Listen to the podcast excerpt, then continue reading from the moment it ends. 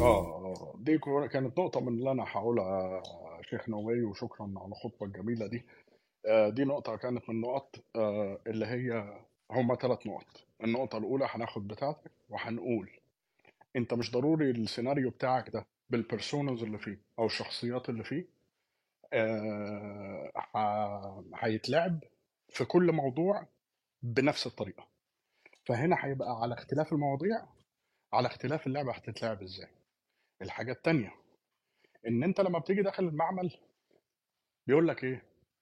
سيب كل حاجاتك على الباب. سيب كل حاجاتك يعني إيه؟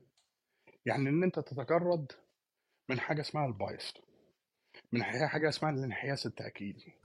إن أنت تحاول تتجرد من اللي انت بتقوله ده.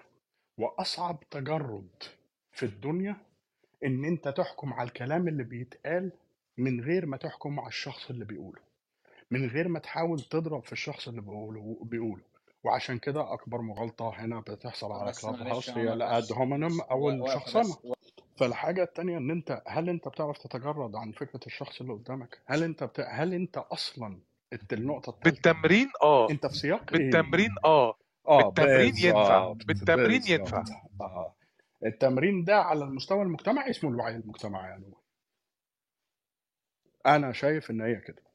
اولا عندك تجرد بعدين عندك الموضوع في ذاته وبعدين عندك سياق الحوار. خد بالك يا نووي أنت أغلب الكلام اللي بيتقال على كلاب هاوس كان اسمه مناظرة أو مش مناظرة هو بالضرورة تعريفه مناظرة. أنت داخل مش داخل تتعلم. أنا بقول لك أنا أنا جيت بقول لك إيه أكبر فايدة هنا إن أنا اتعلمت وإن أنا عرفت كام نقطة ورحت أقرأ ورحت بتاع. أنت وأنت صحيح في اللي أنت قلته إنه لأ دي ناس جاية على كلاب هاوس طالع يعني عينيها في الحياة ال- آه، الواقعية وجاية تفضي ادرينالين فهو هو داخل يحط عليك عشان نسبة الدوبامين تعلى ويدخل ينام وكله تمام. داخل يحط عليك. فأنت السياق هنا اختلف. المناظرات اللي بين ايديولوجيه وأيديولوجية أو دين ولا دين أو بين بين بين بين كل اللي أنت بتشوفه ده. اخرد لما بيقولوا لي أنت ما بتحبش تتناظر ليه بقول لهم هو أنا أنا, أنا لازم أعمل حاجة وأسيب عيالي ومراتي ووقتي وشغلي عشان أجي هنا وتقول لي اعمل مناظرة لازم يكون في منها استفادة. الاستفادة دي إيه؟ يعني اديني الفايدة وأنا معاك. والفايدة دي قد تكون روحانية حتى وأنا معاك. فأنت اللي بتقوله ده حكاية إن أنت تتجرد ما بتحصلش حتى في الغرب. يعني أنت أنت شايف نفسك لما مجموعة من الناس conservative و liberals محافظين وليبراليين في الم... في المجتمعات الغربية بييجوا يتناقشوا على Q&A أو واحدة من البرامج اللي بتطلعها البي بي سي أو ال ABC في أستراليا أو أو أو. يعني أنت ما بتشوفهمش بيغلطوا في بعض. ما هم بيغلطوا في بعض برضه. وفي ناس كتير بتستخدم بس الادوات بالقواعد لا لا الفرق لا لا بس أقول لك على حاجة. الفرق هنا بالنقطة بالظبط. بالنقطة. لو حطيت نقطة زيادة وتم إثبات وده ينفع اي يتم إثباته عن طريق محايدين إن أنت بتعمل ده عشان خاطر تمرر رسالة أنت مش بس هتمشي من المكان أنت هتتوصم للأبد. فأنت بتبقى قاعد أنت عارف كويس قوي إنك طبعا. مش هتلعب اللعبة دي. وأرجعك هنا لحتة القانون. أرجعك هنا لحتة إنه طالما في نظام ما بيحكم السياق اللي انت بتتكلم فيه يبقى انت هتوصل لحاجة. لأن انت هنا بتقول إن انت حتى لو ما تجردتش أو حتى لو استخدمت مغالطات منطقية زي الشخصنة أو زي رجل القش أو زي زي زي هو هتلاقي ناس that pointed out. وأنا شايف إنه على كلاب هاوس ده يتمثل في المودريشن ال team ال moderation الشاطر أو ال moderator الشاطر. وأنا عشان أقولها على بلاطة إحنا أول ما فتحنا ال club كنا moderators فشلة. يعني إحنا لو رجعنا بي رجع بينا الوقت إحنا كنا عايزين كان هدفنا إن إحنا نسمع أكبر قدر من الناس. بعد ست أشهر من ال club ال- أنا شخصيا طريقتي كلها اتغيرت إنه لا أنا مش عايز أسمع أكبر قدر من الناس. أنا عايز أسمع أكتر ناس بيقولوا محتوى مفيد مش طالعين يصفوا خلافات عندي مش طالعين يتخانقوا عندي مش طالعين يعملوا الكلام ده. ولعلمك يا نوي ده في حد ذاته حاجة أنت بتعملها كويس وحاجة أنا تعبت منها eventually لأن أنا دايرتي أكبر من دايرتك بكتير وكل واحد كان داخل بعشم من نوع تاني.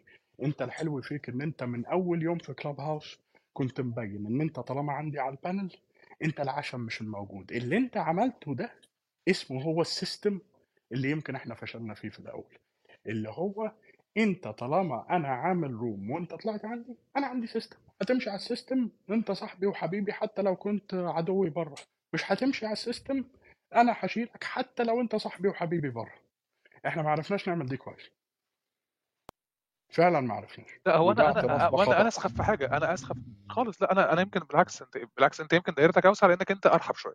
أنا بشوف إن إحنا طالما وصلنا لنقطة معينة أنا أكتر حد بيعمل بلوكات تقريبا على كلاب هاوس ما أعرفش مين تاني يعني بس أنا عندي عدد ضخم جدا ولا نهائي من أنا بمجرد ما عملت يعني يعني بفضل أحاول مع الشخص مرة اثنين ثلاثة أربعة بعدين خلاص بهري معاك ليه وبتهري معايا ليه؟ يا عم أنا وحش نقطة تعدي يعني أنا وحش خلاص حلو تمام. في الآخر يا عمر يعني يمكن شكرا والله أنا متقبل الشكر جدا ما بعرفش أرد على الحاجات اللطيفة اللي من النوع ده بس بس آه، أنت في الآخر محتاج تسمع الناس. أنا في أغلب الرومات مثلا أنا والفيديو كنا بنعمل حصر من فترة إحنا أقل ناس بتتكلم في الرومات. أنا جاي أسمع الناس ومش جاي أسمع حد بيتكلم عن حد. مش لازم تقعد تقنعني بوجهة نظرك إن هي الصح أنت مش أنت مش أبويا. ما بتصرفش عليا. أنا عندي أصدقاء في الحقيقة زعلوا مني بسبب كلاب هاوس هنا عشان خاطر الروم آه صحيح بعد كده لما جينا صرحنا كنت واخد الموضوع بهزار اللي هو يا جماعة أنتوا يعني إحنا بنهزر. بس في الآخر أهو أديك شفت يعني أنت أنت تقريبا بتكرر كلامي. القانون. القانون اللي بيمشي عليك وعلى الناس. أنا لما بخلص كلامي عند حد بخلص وبنزل إلا لو قال لي خليك أو محتاجك معايا في ده. عشان أنا عامل block لما بكون عند حد وبيقول لي انزل عشان فلان يخش ال block أو لا ما ب... يعني بقول له لأ أنا بخرج من ال room. بالمقابل لو أنت هنا وعامل block لحد مش هقول لك انزل. مش لازم تقعد تقول أنا أول مرة نقعد نتكلم على على على الحاجات اللي من النوع ده يعني. بس أنت مش لازم تقول للناس أنا أحسن حد وأنا بسمع الناس والطرفين بيشتموني لأن ده في الآخر مش مهم إنك تقول. المهم إنك تشوفه. فهو أديك شفت هو ده المثال اللي إحنا حاطينه هنا في في, في الروم. هو ماشي. وهي ماشية شوية. آه صحيح بنتشتم شوية بنلعب شوية بتعمل لنا حاجات بس ماشية. يمكن ده اللي يمكن كان يعني ما أعرفش بس لا بس في عمر حاجة انت في حاجة في حاجة تانية انت انت برضو آه، بتعملها آه، وإحنا بنعملها وهي في ناس كتير آه، كان فيها يعني أنا دلوقتي يعني أنا اثنيت عليك اهو وظبطتك واديتك كل حاجة فراسك تمام؟ آه أنا مستني اللي بعده والله. أنا أنا أنا في الحاجات اللي زي دي بص دايما لما حد يقول لي آه ال ولكن وماذا لو فمستني بقى الواو دي حرف العطف. لا لا ما- لا لا ما فيش واو. هو في صديقة عزيزة تحت قالت تتكلم في موضوع الكلمات اللي أنا اتكلمت فيها قبل كده. هي كلمة أصلا بتتفهم إزاي؟ الكلمة أصلا بتتفهم الناس فاكرين إن أنت لما تقول جملة الجملة دي بتتفهم بالكلام اللي فيها بس. ده غير صحيح. إحنا لما اتعلمنا public speaking قالوا لنا اعرفوا إنه الكلمة بتتفهم من المعنى من القائل من المكان اللي اتقالت فيه السياق اللي اتقالت فيه تون الفويس أو صوتك أو حدته أو لطفه وأنت بتقول الجملة دي حاجات كلها هي اللي بتكون المعنى الأخراني. هي دي اللي بتكون المعنى. فمثال بقى بدل الحاجة المجعلصه ان هو إيه أنا ما سمعتكش مثلا ولا سمعت عندنا في الروم مثلا حد بيقول من المودريتورز أنت كذاب. الفرق بين كلمة أنت كذاب وانت ما قلتش الحقيقة كبيرة معلش صحيح. معلش يا فندم الكلام اللي حضرتك بتقوله ده مش دقيق أو الكلام اللي انت بتقوله ده مش صحيح. إنما مجرد ما انت قلت له انت كذاب انت مدلس انت بتاع انت ولعت الدنيا خلص الموضوع. خلص الموضوع. انت هنا ما بتكلمش عقل اللي قدامك انت هنا بتكلم عاطفته. انتهى الموضوع. يعني يعني يعني فعلا بعت لي المسج بيقول يعني هي قالت لي اتكلم في موضوع إن هو أنت ما بتش مش مش مش موضوع تشابك الأفكار ولكن هو تدافع الأفكار. تدافع المعنى. تدافع الكلام. أنت في فرق كبير جدا بين إن واحد يجي يقول لك أنا مختلف عن الطرح اللي أنت بتقوله وأنا عايز أناقشك فيه. غير ما تقال لي أنا من يومين اتقال لي أنت مجرد إن أنت بتقول الطرح اللي أنت بتقوله لا أنا ما تقاليش كده أنا اتقال لي طالما أنت أصلا معتنق نظرية الأمر الإلهي فأنت مالكش مكان على ترابيزة المجتمع أساسا. طب هو في نقاش بعد كده هو لأ هو محتاج بس يعني لأ ممكن ما خلينا نقول بس نقطة يعني آه بس يعني آه بس هو محتاج فتاني يعني تاني أنا ما يستوعب سمعتش لبيدي بيقول لحد مثلا هو البيدي صعب المثل برضه بس تاني أنا بقول لك ما تضربش بالب... لا لا لا لا انت أنا قلت أنا ايامك أنا أنا. بقول أنا بقول أنا قلت آه لحد مرة مرة من المرات ودي من ضمن الحاجات اللي أنا. بندم عليها بشكل واضح إن أنا. يعني أنا أقصى في أقصى حاجة قلتها على كلاب هاوس لحد أنت كذاب وده بالنسبة لي كان سقطه تماما بالمناسبة لأن أنا في الطبيعي في حتى في في الحاجات السياسية. أنا بقول على على السيد الرئيس عبد الفتاح السيسي وأنا في الحمام حتى. يعني الموضوع بالنسبة لي هو إن أنا بدرب نفسي بس أنا ما أقدرش أقيم ما أقدرش أحط ده كمقياس. أنا بدرب نفسي لأن ده أكل عيشي. مش لازم أكون بطالب من كل الناس إن هم يدربوا نفسهم. خليني بس أقول لك نقطة وبعد كده نسمع الفيديو. لو الناس في حد ممكن نبقى نسمح لمجموعه مداخلات كده؟ بص يا عمر أنا ساعات في المناظرات أنا بضحك لأن أنت ينفع تغلب أي حد مهما كانت درجة علمه لأن الكلام كلام. الكلام كلام. أنت ينفع جدا توقع قدامك في الكلام. الموضوع سهل.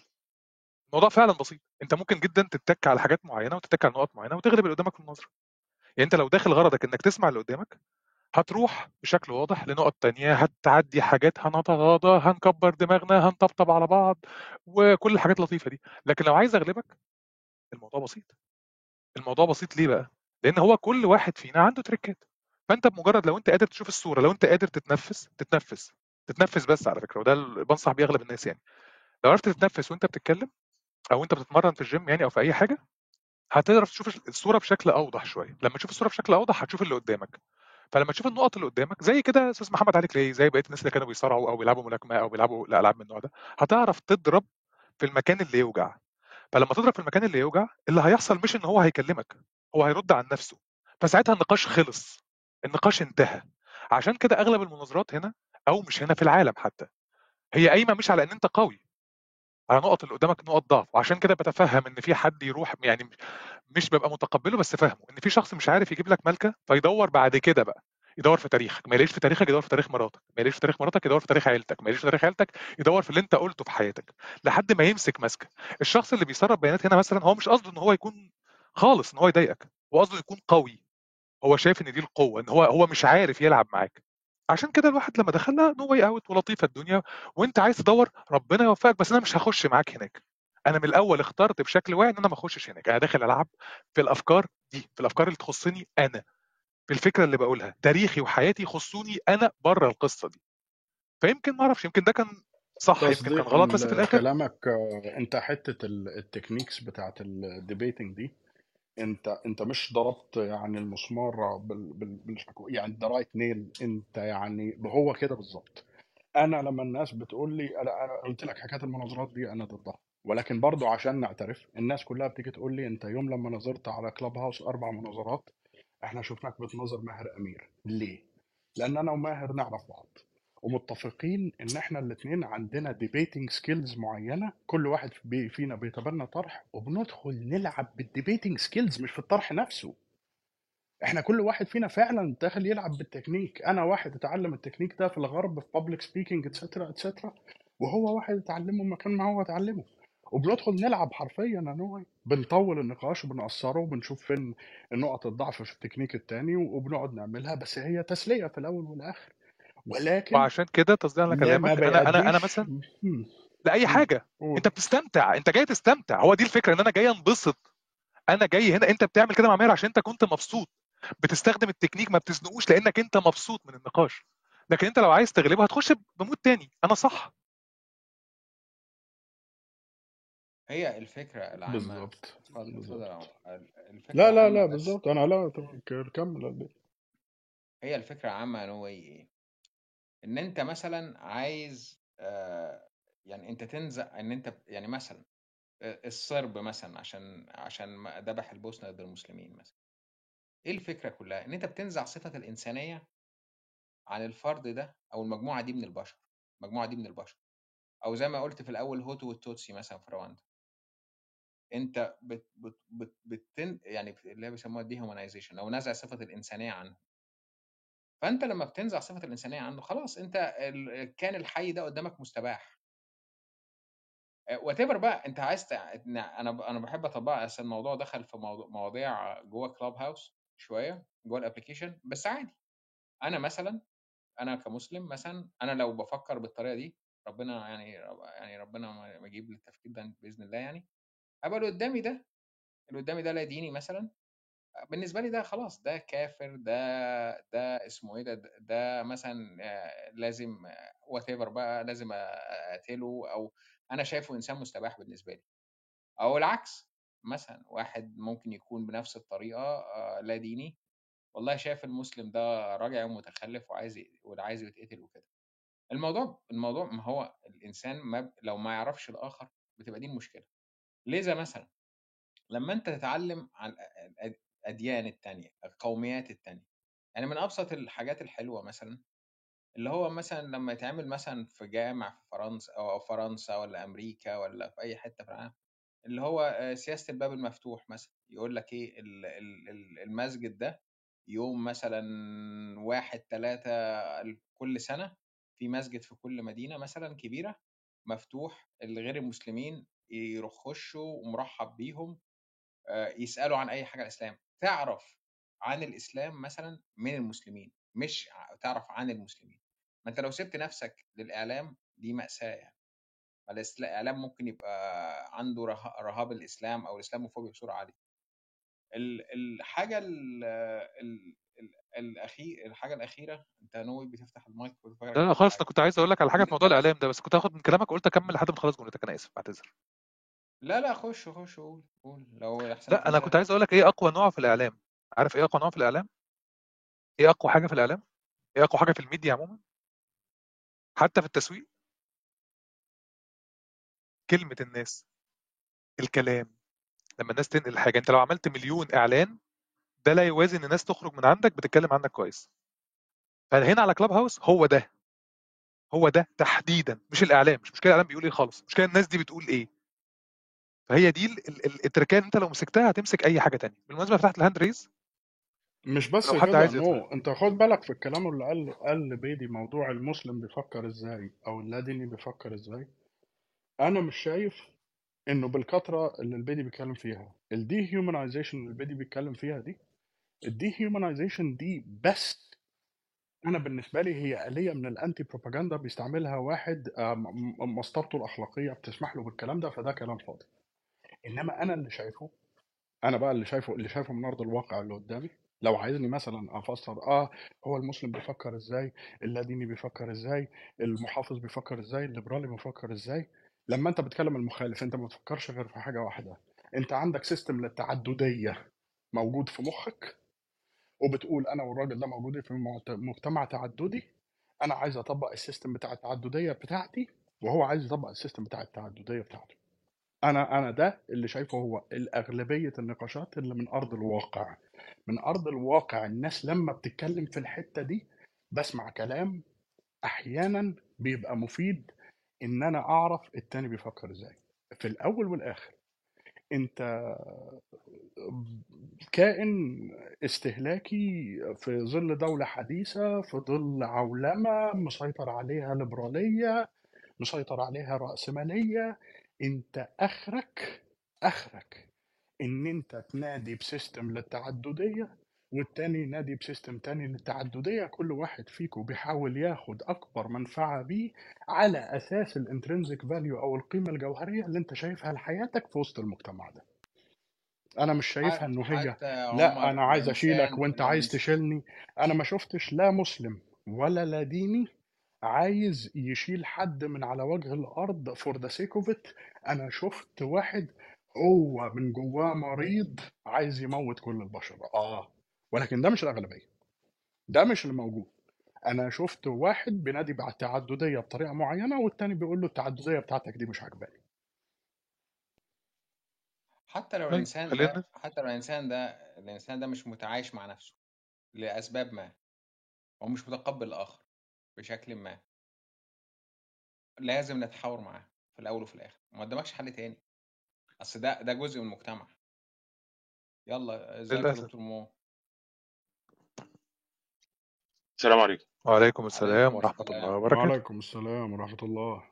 آه، أنا الحقيقة مبسوط من النقاش اللي أنتوا عاملينه. آه، يعني أنا أنا مبسوط بيه جدا. آه، إن يبقى في درجة وعي ودرجة آه، تأصيل لفكرة التعايش آه، موجودة بالشكل ده على الكلاب هاوس. وإن كنت برضو كالعادة يعني هختلف معاكم في نقط كتير بس هختلف وهتفق المرة دي. لا اختلف مع عمر أنا ماليش دعوة أنا مش شايف إن مفيش تعايش يا ريس. اختلف مع عمر. تمام. منك لعمر أنا ماليش مش شايف أصلا إن في حاجة اسمها كده. تمام. آه، هو م- عشان نوصل لفكرة التعايش تعايش يبقى لازم يبقى فيه قايمة على أساس حقوقي. وبالتالي يبقى إحنا لازم نفهم يعني إيه كلمة حقوق. ونشوف إحنا آه، اللي بينادى بيه في المجتمع بتاعنا من فكرة التعايش دي قايمة على منظور صحيح لفكرة الحق ولا لأ. آه، اولا الحق يعني آه، يساوي كلمة صح في كل اللغات تقريبا. يعني كلمة حق مثلا في الإنجليزي رايت ورايت في الإنجليزي يعني حق. في العربي آه، حق. يعني يعني يعني يعني حق. ما ما يجب أن تحصل عليه. وحق أيضا برضو بتعني كلمة صح. فأربط الحتة دي والحتة دي. إن كلمة حق بتساوي كلمة صح. أنت لما أقول إن ده شيء من حقك يبقى هو ده الصح اللي المفروض يحصل. ولكن الحقوق طب بيبقى لها أتدخل معاك؟ أتدخل معاك؟ ولا ولا أسمعك لحد الآخر؟ طب من وجهة نظر مين؟ خليني خليني لا خليني أقول يعني أكمل شوية خلص وحط نقطة بعد كده أرد مع حضرتك. خلص وحط نقطة وكلم حضرتك. تمام. آه بس الحقوق ما هيش من على على نوع على نوعية واحدة. الحقوق لها تقسيمات ولها تقسيمات برضو من منظور حقوقي علمي منضبط. في حاجة اسمها الحق اللي هو بيسموها negative rights يعني الحقوق السلبية. يعني إيه حق سلبي؟ ده حق بتحصل عليه بالولادة تمام؟ ولا يمكن التنازل عنه في حقك يعني ده من ناحية والمفروض يبقى دور الحكومة فيها الصمت ملهاش دعوة. يعني مش مطلوب من الحكومة دور تسكت بس تسيب لك الحق ده تحصل عليه وخلاص. وده تقريبا هو كان الشغل الشاغل بتاع الميثاق العالمي لحقوق الإنسان اللي هي اللي بيسموها ال negative rights اللي هو الحق المفروض انت تحصل عليه بالولادة. آه، تمام؟ فده أول حاجة. الحقوق دي اللي هي بتشمل إيه في المجمل؟ اللي هي حرية الحق في الحياة. الحق في الحياة. الحق في الحرية. الحق في التنقل. آه، الحق إن أنت تكون أسرة. الحق إنك تتجوز. كل دي لو جينا واحدة واحدة كده هنلاقيها آه، آه، هي حقوق طبيعية أنت تحصل عليها بمجرد الولادة. وإن دي أهم نوعية من الحقوق المفروض كل إنسان على الكوكب ده يحصل عليه بس في نقطة بقى دايما بنقع فيها. هو الحق ده فردي ولا جماعي؟ يعني لما أجي أنا أطلب هذا الحق أطلبه كمو ولا أطلبه مثلا كمجموعة المسلمين؟ ولا أطلبه كمجموعة الرجال؟ ولا أطلبه كمجموعة مثلا الموظفين؟ لأ. ده حق فردي.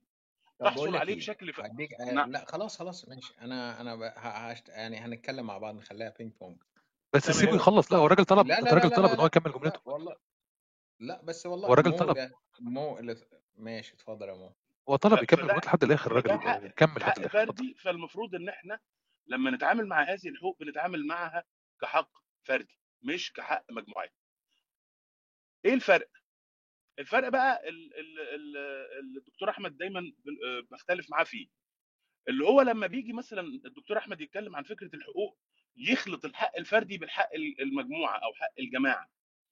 فيتكلم عن الأقليات يتكلم عن آه، مثلا مجموعة المثليين يتكلم عن مجموعة السود يتكلم عن مجموعة الأقليات الدينية. لا إحنا الأول لازم نتكلم الأول ونأصل إن دي حقوق فردية يجب أن يطالب بيها بشكل فردي. لما تيجي بقى تتكلم عن حقوق مجموعات أنت بتتكلم عن حق آخر اللي هو بيسموها ال civil and political rights أنت بتتكلم على الحقوق المدنية والحقوق السياسية. ده لها تقييم تاني دي حقوق لا تحصل عليها بمجرد الولادة. دي حقوق بقى بيتحكم فيها مين الأغلبية في المجتمع؟ مين الأقلية في المجتمع؟ آه، المجتمع ده ماشي إزاي؟ آه، الآراء فيه مين والاتجاهات السلطة في المجتمع؟ مين السلطة في المجتمع؟ فده لها اعتبارات مختلفة تماما. فيجب إن إحنا ما نخلطش ابدا ما بين الحقوق الفردية اللي اللي يجب أن يطالب بها بشكل فردي وما بين الحقوق اللي هي ال political and civil rights ده واحد. دي الطبقة الأولى. آه، الط- الطبقة الثانية بقى اللي أنا عايز أتكلم عليها واحدة ولا نرد واحدة واحدة ولا عايز تتكلم تكمل مداخلتك كاملة؟ والله خلينا أكمل ولغايه ما أنا أحس إن أنا يعني قلت معظم اللي أنا عايزه وبعد كده براحتكم بقى اللهم صل على النبي. آه. تعالى بقى نوقع حاجة زي ميثاق الأمم المتحدة لحقوق الإنسان ونوقعه على الواقع الإسلامي والعربي. هتواجه حضرتك بشوية ادعاءات. أول حاجة إن إحنا مش بنحافظ على حقوق الإنسان. ليه؟ لأن إحنا ما بنديش مثلا يعني أنا أنا دلوقتي اللي أنا عايز ال- ال- الادعاء اللي أنا عايز أقوله أن الإسلام بنسبة غير قليلة بل بنسبة كبيرة جدا بيتماشى مع هذه الحقوق. لما تيجي تقول لي مثلا حق المثليين طيب نرجع الشيء لاصله هقول لك يا فندم أنت عايز تتكلم على فكرة ممارسة الجنس والميول الجنسي كويس؟ آه ده حق فردي جميل؟ ما تجيش تقول لي حق المثليين ما تعمليش جماعة. لو عملت لي جماعة يبقى إحنا نتكلم بقى في ال politics وده مش مش وقتنا دلوقتي. خلينا نتكلم في ال individual يبقى تتكلم على أنت مثلا مثلي اتكلم على حقك كويس. الإسلام بيضايقك في حقك إزاي؟ ما بيضايقكش. أنت دلوقتي لو بتعمل أي علاقة جنسية في إطار يعني حياتك الشخصية الخاصة في بيتك في كده غالبا ما حدش هيعرف عنك حاجة وغالبا ما حدش هيكلمك في حاجة. واصلا من الدين إن أنا ما أتلصصش عليك ولا إن أنا أتصور عليك بيتك ولا أحط لك كاميرا ولا بتاع. فأنت في مجالك الخاص جدا أنت حر فيه. وأنا أعتقد إن الكلام ده مكفول حتى في الدين. هو الدين كل اللي بيقولوا لك إن الكلام ده غلط الكلام ده لا يرضي الله ورسوله. ولكن ساعة الممارسة أنا ماليش عليك كنترول اعمله لوحدك. المشكلة بقى بتبدأ فين يا جماعة؟ لما يجي مثلا مجموعة زي المثليين مثلا عايزين يعملوا اجنده وعايزين يعملوا activism ويواجهوا بيه المجتمع والمجتمع يوافقهم عليه. لا تعالى هنا ده political right أنا بكلمك منظور غربي أنا ما بكلمكش الدين أصلا دلوقتي. يعني يمكن المتدينين ممكن يرجموني بعد ما أخلص الكلمتين دول. ولكن بالمنظور الغربي نفسه أنت لما تيجي تقول حقوق ال- ال- ال- المثليين أقول لك يا فندم ده political right روح بقى غير في آه، مجلس الشعب روح غير في الكونجرس وأنت عندك إيه الكلام ده محتاج اعتبارات تانية خالص. إنما حقك كمثلي واحد ليك مجالك الخاص مارس بيه. هتيجي عايز تعملها لي activism وتعملها لي دعوة وتجبر المجتمع عليها؟ لا ده مرفوض. فأنا بأزعم إن تقريبا في كل مشاكلنا اللي إحنا بن- بنقعد نتخانق عليها على الكلوب هاوس بتدخل في هذا الإطار. حقوق فردية في ناس عايزة تعملها حقوق مجموعات وتطالب بيها وتعملها اجنده وتواجه بيها المجتمع. وهو مش فاهم إن في حاجة اسمها individual right وحاجة اسمها political أو civil right ده بيطالب بطريقة تانية وله تمثيل مختلف وله قوانين مختلفه وكل دولة بتختلف عن الدولة ال- ال- التانية. فيعني ده الجزء اللي أنا كنت مهتم أوصله وأعتقد إن ده لو الناس فهمته ممكن يحل مشاكل كتير. طيب أحمد تدخل أنت ولا اتفضل ولا ولا اخش أنا؟ آه لأ أنا ليا ليا تعليق. أنا مش هتكلم طبعا في حتة الجنس ما بحبش ال- عشان ما نبدأ عشان الموضوع ده تاتشي قوي في مجتمعاتنا وعندنا زي ستيريوتايب معين فهبعد عنه. بس أنا هتكلم عن نفسي. أنا كمسلم. أنا أحمد مسلم ممارس لديني.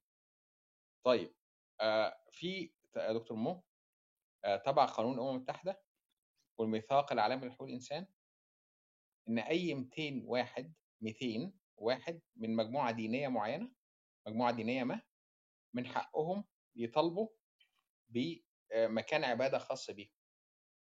طب ما هو ممكن يجي الأغلبية اللي هم في الولايات المتحدة أو غيرها أو الصين أو اليابان أو كده يقول لك لأ أنت مسلم.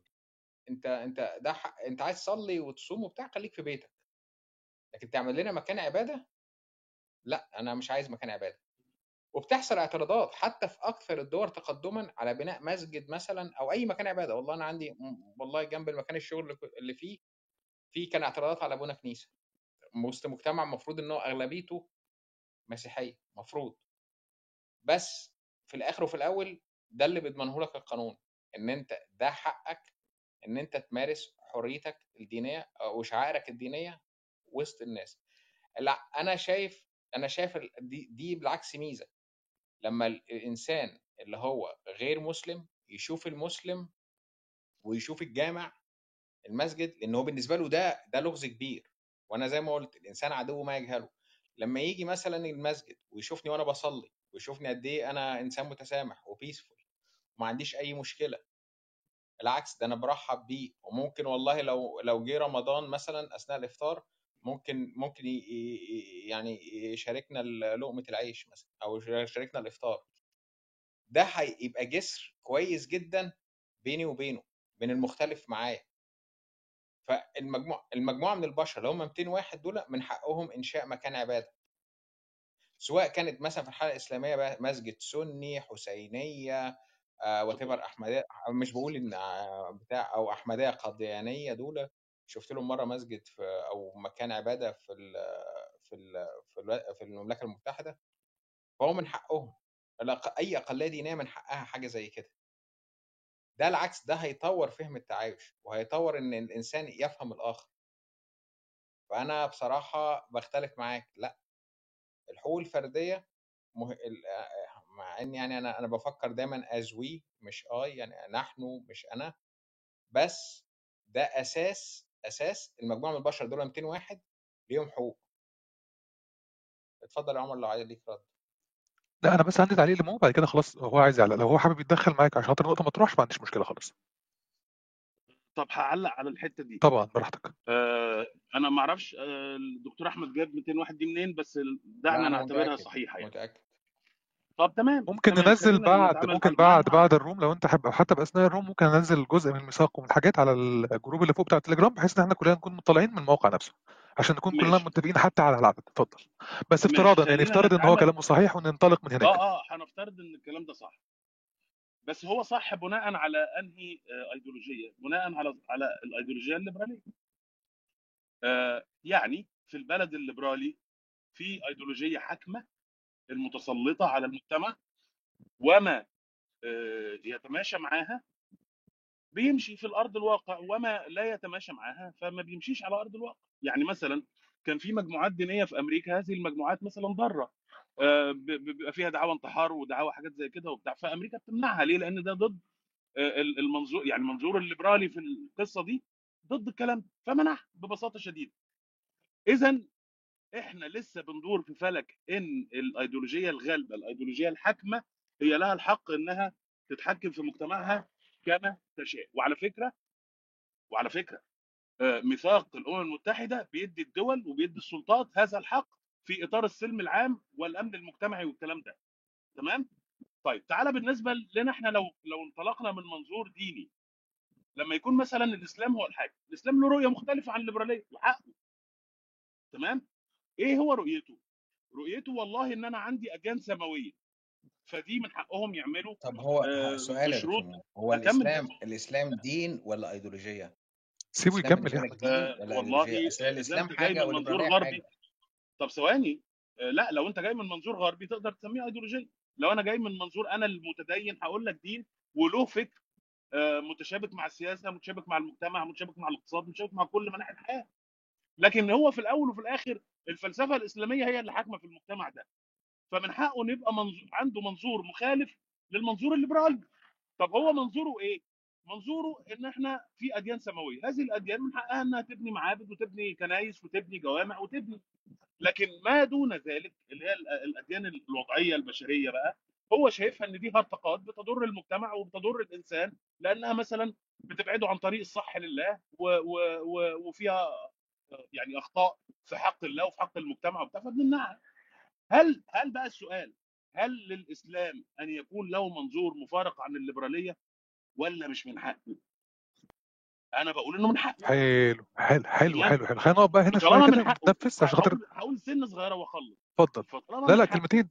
فطالما من حقه وهو اللي في السلطة وهو في السلطة بقبول شعبي خلاص يبقى هو يشوف اللي هو عايزه ويعمله في المجتمع كما للليبرالية إنها تشوف اللي عايزاه وتعمله في المجتمع. هل ده مخالف للميثاق الامم المتحدة؟ لا. ليه؟ لأن ميثاق الامم المتحدة فاهم الحتة دي كويس والوضعين الميثاق فاهمينه وقال لك إن كل بلد لها قوانين خاصة ولها فلسفة خاصة في الحكم. المهم إن تاني إن ال natural rights أو ال أو أو ال negative rights اللي هي الحقوق السلبية للمواطن اللي بيكتسبها بمجرد الولادة ما حدش يجي عليها. أنت أنت نفترض إن أنت راجل آه، هندوسي في بلد مسلم مش هيسمح لك مثلا إنك تعمل مسجد بتاع ده معبد. خلاص لكن أنت أنت كإنسان لك حق التدين وأنت كإنسان لك حق العبادة بس إحنا بس مش موافقين على حتة المعبد. ليه؟ لأن أنا ليا منظور مختلف عن الليبراليه شوية وده حقي. طالما أنا اللي في السلطة وفي السلطة بقبول. أنا خلصت. طيب. خلينا نتفق على إن أنت كلامك أصح وهو ده الواقع وهو ده الحقيقي وهو ده اللي ربنا قاله والشخص اللي قدامك أو المجتمع اللي قدامك رافض لأن في حاجات تانية كتير. هتختلفوا إزاي بقى؟ أنت رافض وفي مجموعة هترفض إزاي؟ إيه آليات الرفض اللي هتعملها؟ زي ما بيحصل في كل دول العالم إن ال- الفكرة السائدة أو الثقافة السائدة أو ال- الأيديولوجية السائدة بتحط قوانين بتمنع كذا وبتبيح كذا. فأنا مثلا في دولة مسلمة هيبقى في قانون برضه. طب حلو خلينا نمشي مع بعض بينج بونج خلينا نمشي مع بعض بينج بونج عشان خاطر النقطة دي لو مسكناها أنا بجد هرتاح حتى نفسيا. يعني. أنت في قانون بيتمرر لإباحة أي حاجة أنت رافضها بغض النظر عن التسميات. القانون اللي بيتمرر ده فيه مجموعات معينة مكونة لوجهات معينة ايا كان اللي وراها يعني ايا كان اللي قدامهم أو اللي وراهم أو حتى الأجندات اللي معاهم. وخلينا نفترض ال extreme بقى خالص إن دول ماسونيين غربيين وحشين كفار إسرائيليين كل حاجة سيئة في الدنيا. وأنت الناحية الثانية معاك الحق والخير والعدل كل حاجة تانية. والله ما أقصدش أي تقليل وما ما أقصدش حضرتك بشكل واضح أنا بتكلم بشكل عمومي. ولو انت مش متقبل المثل ممكن اضربه على احمد فانا بعتذر لحضرتك مبدئيا. أنا أنا فا- فاهم فاهم. طيب إيه بقى الآليات اللي هنتجه إحنا الاثنين هنروح لها لده؟ في حالة إن أنا نجحت لأن أنا معايا الماسونية الغربية ومعايا كل حاجة في الدنيا ونجحت إن أمرر القانون هتعترض عليا إزاي؟ هي دي يعني مربط يعني الفرس. إيه أنت يعني أنت هتستخدم يعني يعني أنا مثلا دلوقتي أنا أنا جاي أنا أهو يعني خلينا نتفق في مجتمع زي مجتمعنا المصري مثلا. في حد بيمرر قانون معين القانون ده انت رافضه بحكم أشياء كتيرة جدا. بحكم إن أنت ده يتعارض مع نص صريح عندك في العقيدة بحكم إنه يتعارض مع أي حاجة. أنت عايز ترفض القانون ده. أنا هرفضه. وهو مكون جماعات ضغط ولوبيهات وبيعرف يكلم الناس وبيغير الوعي العام. زي ما بيحصل في نتفليكس كده مثلا. مثلا خلينا نفترض إن في وسيلة إعلام تانية وبيمرر بيها الفكرة. وأنت رافض ده. يعني هتواجهه يعني إزاي؟ يعني الناس نفسها رافضة الفكرة ال- اللي جاية من مثل الثقافة الإسلامية. ما أعرفش الناس عاملة إزاي ما عنديش استطلاعات. ال- ال value ده مش موجود. ال- القصة دي طيب. مش عندي. ما عندي ما أعرفش استطلاعات الرأي عندي عاملة إزاي. آه أنا آه آه. مفترض إن في مجتمعي أنا مجتمعي أنا الناس اللي حواليا يعني أنا لما حد بيتكلم عن مصر بقعد أضحك. لأن مصر مجموعة بلاد جنب بعض. القاهرة نفسها مجموعة بلاد. فأنا في المجتمع بتاعي أرى إن كل الناس اللي معايا هيرفضوا القصة دي. هواجه ده إزاي؟ هو ده. لو اتفقنا على ده كل حاجة هتبدأ تتحرك هو هناك. هو تا- تاني تاني. لو الموضوع قايم على عدالة وإن إن إن في قبول عام أو قبول الأكثرية على الأقل للفكرة فوالله يبقى بحكم العدل والعدالة اللي إحنا بنتكلم فيها وإن إحنا مش هنعيش ضمن بلطجة يعني فيبقى المفروض كلام الأكثرية هي- هيمشي. كويس؟ نفترض الأكثرية ما بقتش مع الفكرة بتاعتي. حلو؟ وهي الدين مثلا. هعمل إيه؟ هروح أضرب الأكثرية؟ لأ. يبقى أنا وظيفتي إن أنا أدعو الأكثرية دي تاني وأثر عليها تاني وأدعوها لدينها تاني وأعرفها دينها تاني بحيث إنها تبقى معايا في يوم من الأيام. حلو يعني أنت هتستخدم الآليات هتدرس الأول المجتمع اللي حواليك تعرف أنت اترفضت ليه واتقبلت ليه وتبدا تتحرك أنا كل آه ده بالنسبة آه لي على فكرة يختلف مليون في المية. بقى ده يختلف تماما اذا إحنا كنا بنتكلم في تعايش وكده يختلف تماما عن إن أنت تجيب لي أفكار محملة على دبابات. إحنا بنتكلم في تعايش. حلو. مش معقول هتجبرني على صح. شيء؟ مش تمام. جدا. على أنا شيء؟ شاري جدا. شاري جدا. وما ينفعش أنت كمان تكلمني. ما هو خلي بالك من حاجة برضو. خلي بالك من حاجة. إن الناحية التانية عنده دبابة مش متشافة. ما هو أنت لو أنت قلت اللي قدامك في مجتمع زي ده يعني زي ما كلمة ازدراء خطيرة كلمة إخوان بقت خطيرة كلمة إرهابي بقت أخطر. فأنت في الآخر أنت عندك دبابة مش متشافة. يعني أنت لو قلت لي مثلا وإحنا بنتناقش الكلام بتاعك ده كلام كفري لكن أنا ما كفرتش معين لكن ده كلام كفري أنت لبستني في الحيط حرفيا للأبد. وأنت تعلم جيدا إن مقالات كلامك ده هتوديني في 60 آه داهية. فأنت معاك دبابة برضه. يعني يعني يعني عشان نتفق أنت معاك دبابة بس مش انت متشافة مش ما, ما ينفعش يا أستاذ- يا أستاذ no way يا محمد. ينفعش تفرض الحاجة آه لا no way يا. أنت هتلبسني أنا كده. لا أنا بقول محمد عادي على فكرة. آه محمد دي طول الوقت بستخدمها حتى من قبل الخناقة اللي أنت قصدك عليها. بستخدم محمد عادي. ممكن لو أنت عايز ترتاح في محمد. قول لي محمد عادي.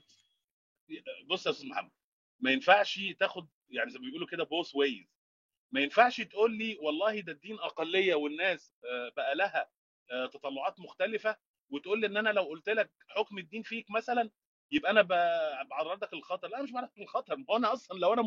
لو أنا كنت م... يعني ليا أغلبية وليا حكم وليا بتاع ساعتها كنت بعرضك للخطر وساعتها انت ما كنتش هتقول الكلام ده انت فاهم؟ يعني ما ينفعش تفترض الموقفين لا في موقف لا واحد. لا لا لا لا, لا. عشان كده بقول لك نعمل بينج بونج. لا لأن انت عارف ان مثلا مش مش حضرتك برضه. في خطابات معينة خليني برضه والله أنا آسف إن أنا أنا كان نفسي النقاش ده يكون مع حد حتى في الناحية الثانية خليني أقول لك مثلا إن أنت بتقول على حد إن هو إرهابي. حلو كده أنت شايف إن الشخص ده إرهابي. فأنا بقول لك إن أنت كلامك ده هيعرضه للخطر وهيوديه في 60 داهية. فتقول لي لا على فكرة دي كلمة عمومية. أقول لك لا لا لا لا. ما هو اللي أنت بتقوله ده اللي انت بتقوله ده هيخلي مجموعات معينة تركز فيه فتقلب تاريخ حياته. فهو لو عنده تطبيق مثلا إلا صلاتي هيتحول لشخص إرهابي. تقول لي لا على فكرة آه. عادي جدا. أقول لك لا أنت ب... أنت بت... أنت وصمته. هو الوصم ده جزء. ما هو دبابة برضه. دبابة بس مش متشافة ما هي دبابة. بس مش متشافة. أنت اللي في إيدك دبابة وأنا بايد دبابة. بص يا فندم إحنا بنتكلم في فكرة تعايش. إحنا والتعايش ده بيستلزم إن فيه آه، آه، يعني المجتمع فيه أمن درجة أمن وأمان معلش يا مو أنا لازم أدخل في الحتة دي عشان أنا في معلش يا مو عشان في يعني أنا في كذا نقطة اتقالت كده أنا بس ساكت عشان أحترم حق الكل في الكلام ولكن no way أنت بت بتقارن دبابة قانونية بدبابة غير قانونية أوكي شاري تمام صح تمام. صح يعني اشتريت إحنا لما كنا بنتكلم في الآليات في الآليات السلمية بين قوسين القانونية وفي آليات غير قانونية. ده بيجي مثلا لما اتكلمنا في النبذ المجتمعي عندنا ال formal وال informal. النبذ ال positive والنبذ ال negative. ما ينفعش نساوي كل ده ببعض يا صديقي. آه، لو تسمح لي يا باشمهندس عمر بس في الدولة اللي هي ما فيهاش القانون مفعل بطريقة كبيرة الدبابتين بيتساووا؟ آه مظبوط. عشان كده انطلقنا أساسا انطلقنا أساسا. عشان كده بقول السياق آه، معلش يا دكتورة لا ما هو سياق الكلام هنا بيتوه إحنا انطلقنا أساسا في إطار الدولة الحديثة تحت وجود قانون. لو عايزين نغير السياق يبقى لازم نشيل المقدمات عشان نوصل أنت للنتيجة صح أنت صح. هو في صح في دي لا. في صح صح جدا صح دي تماما. تمشي على ده الدولة ده اللي أنا كنت عايز أقوله كده يا مو. ده اللي أنا كنت عايز أقوله. واحدة طب خليه يكمل يا خليه يكمل خليه يكمل خليه يكمل خليه صحيح يكمل بس يبقى هي عشان إحنا كان معانا نقاش. و- طب كمل أهو خليه يكمل بس اخر نقطته وبعد كده هديك النقطة بالكامل. أنا آسف جدا والله. اتفضل يا أستاذ ده اللي أنا كنت عايز أقوله أم، أم، ردا على كلامك. إن إحنا أساسا بنتكلم في تعايش يعني إحنا مفترضين إن في قانون. والقانون ده محطوط كمان بطريقة صحيحة معبرة عن أغلبية الناس. وبعدين بقى آه، كونك إن يعني في أي وضع من الأوضاع آه، آه، كونك إن أنت هتمنعني إن أنا أقول الحقيقة اصل خد بالك يعني إحنا بقينا عايشين آه، في عصر ال political correctness يعني إيه؟ إيه ال political correctness دي؟ يعني هتلاقي دعاة الناس وال- والحقوقيين بيستعملوها كتير على الرغم إن أصلها هي بتحد الحرية فاهمني؟ لو أنت إرهابي وأنا قلت لك أنت إرهابي وهذا الأمر حقيقي أنا مش غلطان في حاجة أنت اللي غلطان أصلا. ما تقوليش لو انت معاك حكم محكمة يبقى كلام لا لا لا لا لو كلامك لو كلامك لو كلامك بحكم محكمة فانت كلامك منضبط. لو من غير حكم محكمة فأنا أقدر أوديك في بالظبط 60 داهية. بالظبط. ففكرة الصوابيه السياسية وإن أنت تمنعني أقول مثلا ما هو معروف معلوم من الدين بالضرورة لا مش هتستعملها معايا. أنا أنا طالما الكلام اللي أنا بقوله حقيقي ومنطبق على أمر الواقع على الأرض الواقع فالغلط مش عندي غالبا. هيبقى عند حد تاني اللي هو ممكن أنت أو غيرك اللي أنا بصفه بالشيء فيه. واخد بالك؟ كيفية بقى توقيع الأمر على هذا الأمر على أرض الواقع له برضو ضوابط. زي ما أنت قلت كده حكم محكمة زي يعني حاجات كتير. لكن إحنا منطلقين إن في دولة فيها سلام وفيها قانون وفيها ضوابط وفيها كلام من ده آخر كلمة وخلاص أنا هسكت يعني. آخر كلمة آخر كلمة. دعونا بس إن إحنا ما نضربش كله في الخلاط. ال- الحق الخاص بالفرد نطلبه كفرد والحق ال- ال- ال- ال- الخاص بمجموعات نطلبه كمجموعات في إطار ال civil وال political law وحاجة أخيرة بقى حاجة أخيرة إن ليس إن, إن اولا ميثاق الأمم المتحدة اللي واضعينه مش ناس هب هم عارفين يعني إيه بيتكلموا في إيه وفي فروق قد إيه ما بين الدولة والتانية وإيه اللي ممكن يمشي في دولة وإيه اللي وإن في ثقافات لكل دولة وثقافات لكل شعب. فحاطين دايما إن فكرة قانون الدولة طالما قانون طالما مش جاي بالعافيه طالما مش جاي بالقوه طالما ماشي في. في المسلك والمدرج القانوني المحترم فهو يحترم. واخد بالك؟ يبقى القضية هل الدولة دي ماشية بقانون أصلا؟ والقانون ده معبر عن الشعب ومعبر عن الحكم فيها صح؟ ولا قانون بلطجي؟ ده ده المحك. آخر حاجة خالص إن ليس كل حقوق الفردية هي حقوق على درجة واحدة من الأهمية. في حقوق مهمة زي الحق الحياة وزي حق الحرية وزي الكلام ده وفي حقوق مقيده مقيده مقيده بقانون الدولة. حتى حق الحياة نفسه مقيد بقانون الدولة. أنت لو قتلت حد في مصر والجريمة دي كانت سبق اصرار وترصد وسابقه عليك مش عارف إيه وبتاع ما أنت ممكن تتقتل. يعني الحق الحياة بتاعك سقط. سقط بإيه؟ باعتبار آخر. فمش كل الح- الحقوق دي يعني غير مقيدة ومطلقة وعامة. لا كل شيء له تقييده كل شيء له تخصيصه. لكن للأسف ال- الجماعة الناشطين من الأقليات ما مش مدركين الكلام ده متخيلين حرية يعني بقى إيه اعمل اللي أنت عايزه. لا مش حقيقي. وده ده اللي أنا بقى كنت عايز أقصده اللي هو فكرة الخاص والعام فكرة الفردي والجماعي فكرة إن في تقييد لكل شيء ما فيش حاجة اسمها حرية مطلقة 100% تحد وتخ- وتخضع لقانون الدولة اللي أنت فيها طالما القانون ده جاي بطريقة صحيحة. بس أنا خلصت وأنا متفق معاك طيب. أنا متفق معاك مفيش حرية مطلقة. لا استنى أهو استنى بقى نووي لا لا لا. انت يا طب دكتور بس عشان دكتور الاء هتضربنا لا. كلنا والله. يعني الست بقى لها كتير فيعني ناقش دكتور بسرعة وبعدين نخش على دكتور بس الاء بسرعة. آه، دكتور مو آه، حضرتك أنا عارف إن حضرتك عايش في دولة غربية تمام؟ أغلب سكانها مش مخت... آه، مش مش مؤمنين برسالة الرسول صلى الله عليه وسلم ولا بالإسلام صح ولا غلط؟ الأغلبية العظمى. صح. صح.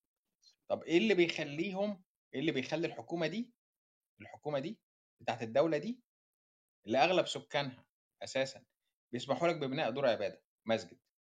حاجة تانية لو أنت أيام داعش أو أيام 11 سبتمبر 2001 واتعمل تصويت على طرد المسلمين وعلى فكره ممكن.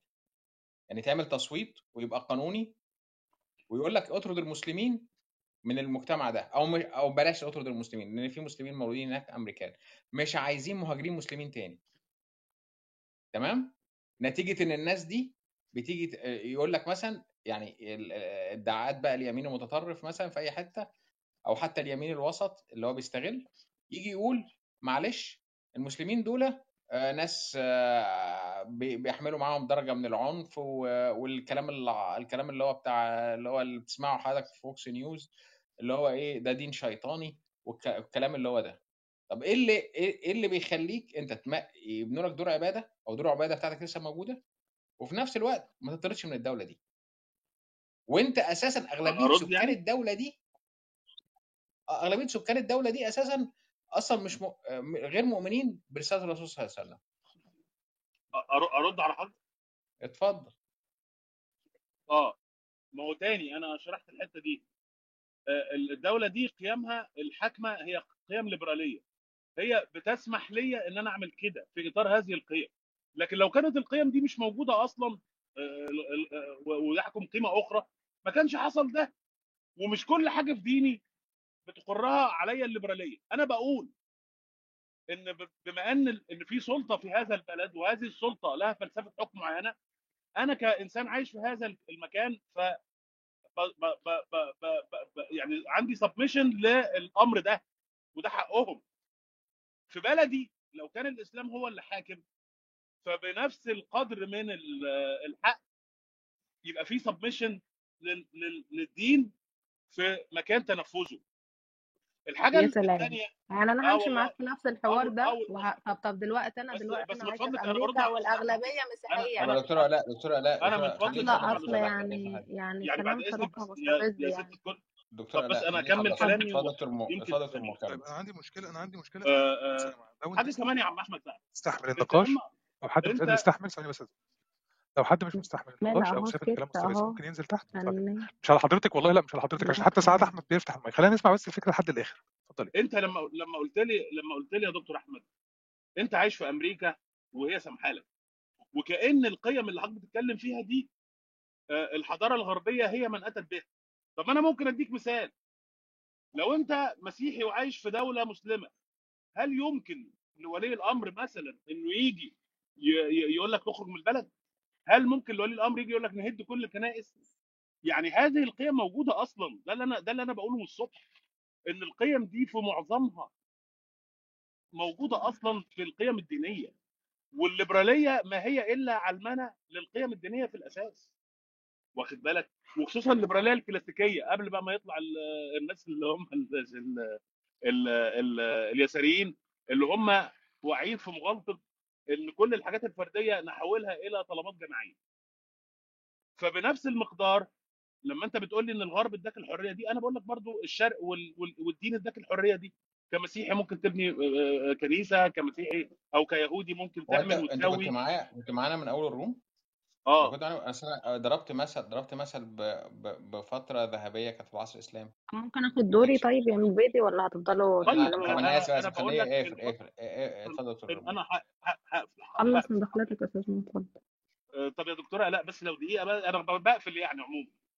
آه، آه، اللي أنا عايز أقوله إن القيم أو أو تصورك لإن الفكر الغربي هو من أتى بكل الحريات وهو من أتى بكل الحقوق الإنسانية لا. الحقوق دي بمنظور مثلا إسلامي موجودة ومنضبطة ومؤصل ليها قبل الفكر الليبرالي بألاف الس- ب- ب- ب- بألف سنة على الأقل. آه، ده حاجة. الحاجة ال- ال- الأخيرة إن آه، ال- ال- الإعلان العالمي لحقوق الإنسان تقريبا ما فيهوش اختلافات عميقة ما بينه وما بين الحرية في في الدين في معظمها. ف خصوصا إن كان ال- ال- الإعلان العالمي لحقوق الإنسان كان قايم على فكر الليبرالية الكلاسيكية مش الليبرالية الاشتراكية. وأنا خلصت كلامي وشكرا. طيب أستاذ حضرتك لو خلصت ممكن تنزل تحت بعد إذنك؟ طيب دكتورة داليا اتفضلي. دكتورة علاء سوري اتفضلي. أه بس خلينا نتكلم في النقاش بلاش نعلق على الكلام اللي قبل كده. إذا كان في نقطة مفصليه يعني الراجل هينزل الراجل هينزل بشكل واضح فخلينا نتكلم على الكلام بشكل واضح. لا عادي ما نناقش الفكرة يعني ما هو ال... طب آه، ممكن أنا المداخلة كنت عاوز أقولها في الأول غير اللي حصلت بعد النقاش ارجعي بس للمداخلة في ارجعي النقاش للمداخله الأولانية. انت شايفة إن التع- إن في تعايش أصلا؟ خلينا آه، التعايش على كلوب هاوس ولا في الحقيقة؟ اللي يعني تشوفيه يعني عايز تبداي باللي دي في أي دولة. يعني بالظبط خليك ابدأي باللي انت شايفاه الأول. أنا شايفة على كلوب هاوس في ناس عارفة تتعايش مع بعضها وهي نسبة قليلة بس بت- بتضمحل كل شوية. آه وفي ناس لأ للأسف يعني. أنا وجهة نظري في الموضوع ده إنه اللي حصل إنه لما يعني المجتمع العربي اللي أنا شفته البول يعني اللي موجود على كلاب هاوس لما دخلوا على كلاب هاوس وفي أفكار كتيرة بدأت تتناقش الناس حبت إنها ما تبقاش تتوسم بإن هي متطرفة فقالوا آه طب خلاص إحنا هنتعايش بس هم فعلا ما تعايشوش هم هم هم superficially كده يعني مثلوا إن هم بيتعايشوا. فلما جه الحوار يدخل في العمق ال ال البايسز بقى الأساسية بدأت تطلع فالناس التانية اتلخبطت اللي هي مختلفة معاها لأن هو يعني حست إن في mixed messages كده اللي هو أنت فعلا متعايش ولا أنت بتمثل إن أنت متعايش؟ فال process نفسها بتاعت التعايش اللي بتحصل في المجتمعات آه، اللي هي بتحاول إنها تعمل مثلا آه، اللي بيكون فيها آه، اختلاف أعراق وأديان وكده بيبقى فيه process بياخد وقت وزمن طويل. إحنا حاولنا نعمل shortcut عشان بس إحنا خايفين من الوصم في بعض الأحيان لأن طبعا في إرهاب فكري وإرهاب بحاجات تانية على كلاب هاوس بتخلي الناس تخاف تقول رأيها بطريقة authentic من غير ما حد تاني يحكم عليها من غير ما حد يقول لحد أنت كافر أو التاني يقول له أنت إرهابي. فاللي بيحصل إن إن مع مرور الوقت النقاشات بتبين الشخص اللي فعلا آه، التعايش ده عنده مبدأ وفعلا هي جزء من القيم الإنسانية الحياتية بتاعته وهو مجربها ومتدرب عليها زي ما أنت قلت يا نوي لأنها محتاجة آه، تدريب. أنت ب... أنت بتعمل challenge لل bias بتاعتك. أنت بت... بت... بتحط في موقف وبتختبر تحيزاتك. والإنسان ال- السوي لما بي- بيتحط في موقف وهو في تحيز بعد الموقف بيعمل حاجة اسمها self reflection يراجع نفسه يقول أنا في الموقف ده هل كان في تحيز داخلي؟ أدى إلى أن أنا أتصرف التصرف ده. زي بالظبط التحيز اللي حصل لي لما أنا قلت مثلا لأستاذ مو بعتذر لك أستاذ مو إنه كلام مستفز أنا جزء مني تحيز لأني آم، يعني في بصفة شخصية مثلا أنا واحدة مسلمة عايشة في أمريكا فلو أنا ط... لما بحط الكلام اللي هو بيقوله في سياق مثلا إن إحنا نشيل الليبرالية واللي هي نظام سياسي ونحط دين أم فلو عملنا كده مثلا أنا مثلا هنا دولة أغلبها مسيحيين هتبقى الدو... هبقى أنا شلت الليبرالية وحطيت مسيحية طب أنا أروح فين يعني دلوقتي مثلا؟ دلوقتي المسيحية هي اللي بتتحكم القوانين بتاعت أولادي في المدارس آه، تتحكم في قوانين كل حاجة. ف it doesn't make sense إن أنت تشيل قانون سياسي وتحط آه، دين لأن ما, ما هو كل دولة بقى كده هنشوف الأغلبية فيها دين إيه ونحط الدين ده فساعتها مش هيبقى يعني بعد عشر سنين هيبقى في دول يعني كل هيبقى في دولة مثلا للمسلمين ودولة لليهوديين ودولة للمسيحيين ودولة للادينيين والعالم هيتقسم كده و- and, and that doesn't work. يعني إحنا ما هو خلاص ما إحنا عارفين إن إحنا آه خلاص في مكان واحد هيعيش فيه ناس بأديان مختلفة. ففي حاجة اسمها حرية الأديان. آه فأنا مش عاوزة حد يبقى موجود في الحكم بدين مخالف عن ديني هو اللي يكون في إيده السلطة إن هو يحط قرارات تخص آه آه حياتي الشخصية. أنا عاوزة حد يكون عادل بغض النظر عن دينه إيه. هو هي هيكون هي هيعاملنا كلنا معاملة كويسة ومش هيدي أو مش هيدي حد حاجة امتيازات عن زيادة عن التاني. هيحترم كل آه، الأفراد اللي موجودة. فعشان كده وضحت فكرة اللي هو فكرة إن التعايش ده هل هل سقط التعايش؟ ع- لو على كلاب هاوس آه لأ. أنا أظن إن لسه في ناس كتيرة آه بتحاول إنها تتعايش. في ناس كتيرة بتحاول تفهم الآخر فعلا وفي ناس كتيرة بتحاول آه تكون عارفة التحيزات بتاعتها وعارفة إن الهدف من النقاش مش إن إحنا نتخانق مع بعض أو نشتم بعض وإن إحنا هنا في مكان عشان نسمع آه، بعض ونحاول إن إحنا ناخد من اللي بيكون موجود على التطبيق ده يساعدنا في تطبيق حاجات في حياتنا اليومية. في ناس كتير بعد النقاشات اللي موجودة على كلاب هاوس عرفت إنها تعمل كده في حياتها اليومية. الناس اللي قدرت تستفيد من ده بعد النقاشات دي اختبرت كتير من تحيزاتها واتغيرت. في ناس لأ ال- أفكارها فضلت زي ما هي أو زادت تعصبا وده طبيعي. آه ف المشكلة الأكبر هي إن العدد نفسه بتاع الناس اللي بتتناقش مع بعضها آه العدد العام يعني للمجتمع العربي على كلاب هاوس بيقل للأسف. والناس اللي بتتكلم أساسا وبتتناقش برضو بتقل بسبب برضو الحاجات اللي هي فيها إرهاب سواء كان بصور بنات سواء كان أي حاجة تانية في إرهاب بحاجات كتيرة. ف آه لو عاوزين الناس فعلا يعني لو عاوزين هو طبعا معرفش من هنا ينفع نرجع إزاي بقى ال square zero لأنه مش هينفع نرجع بالزمن.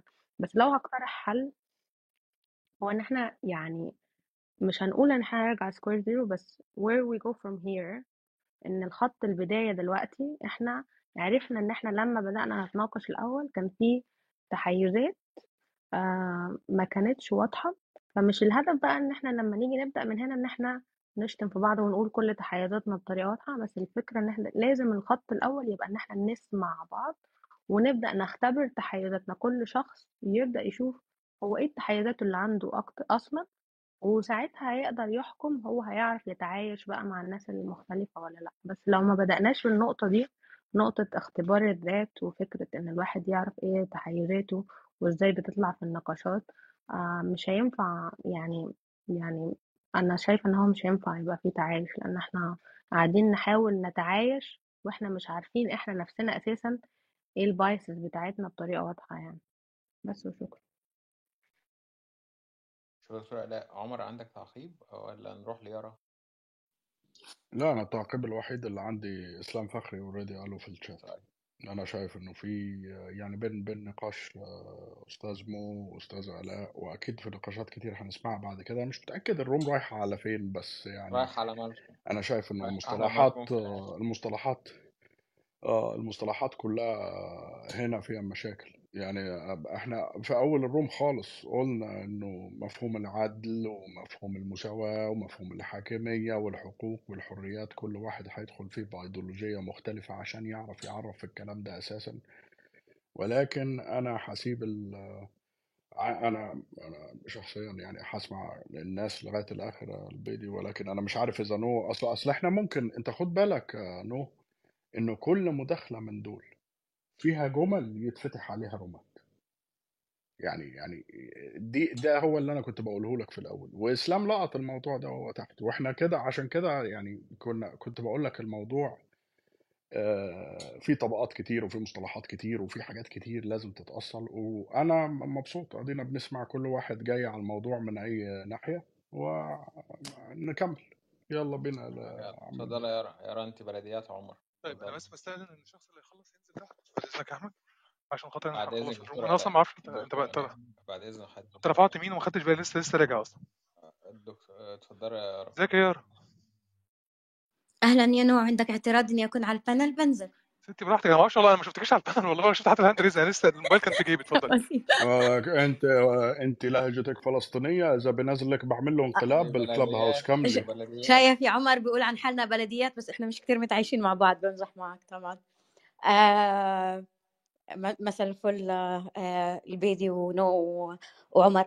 آه أنا مش جاي على على موضوع تعايش. أنا مش متأكدة أصلا إيش يعني المصطلح وبدي أتفق مع عمر إنه آه الواحد يدخل على سياق موضوع اللي مش متأكد بالضبط من معنى المصطلحات آه شوي الإشي بتعب بتعب. آه أنا بس جاي أحكي عن نقطتين كتير سريعات.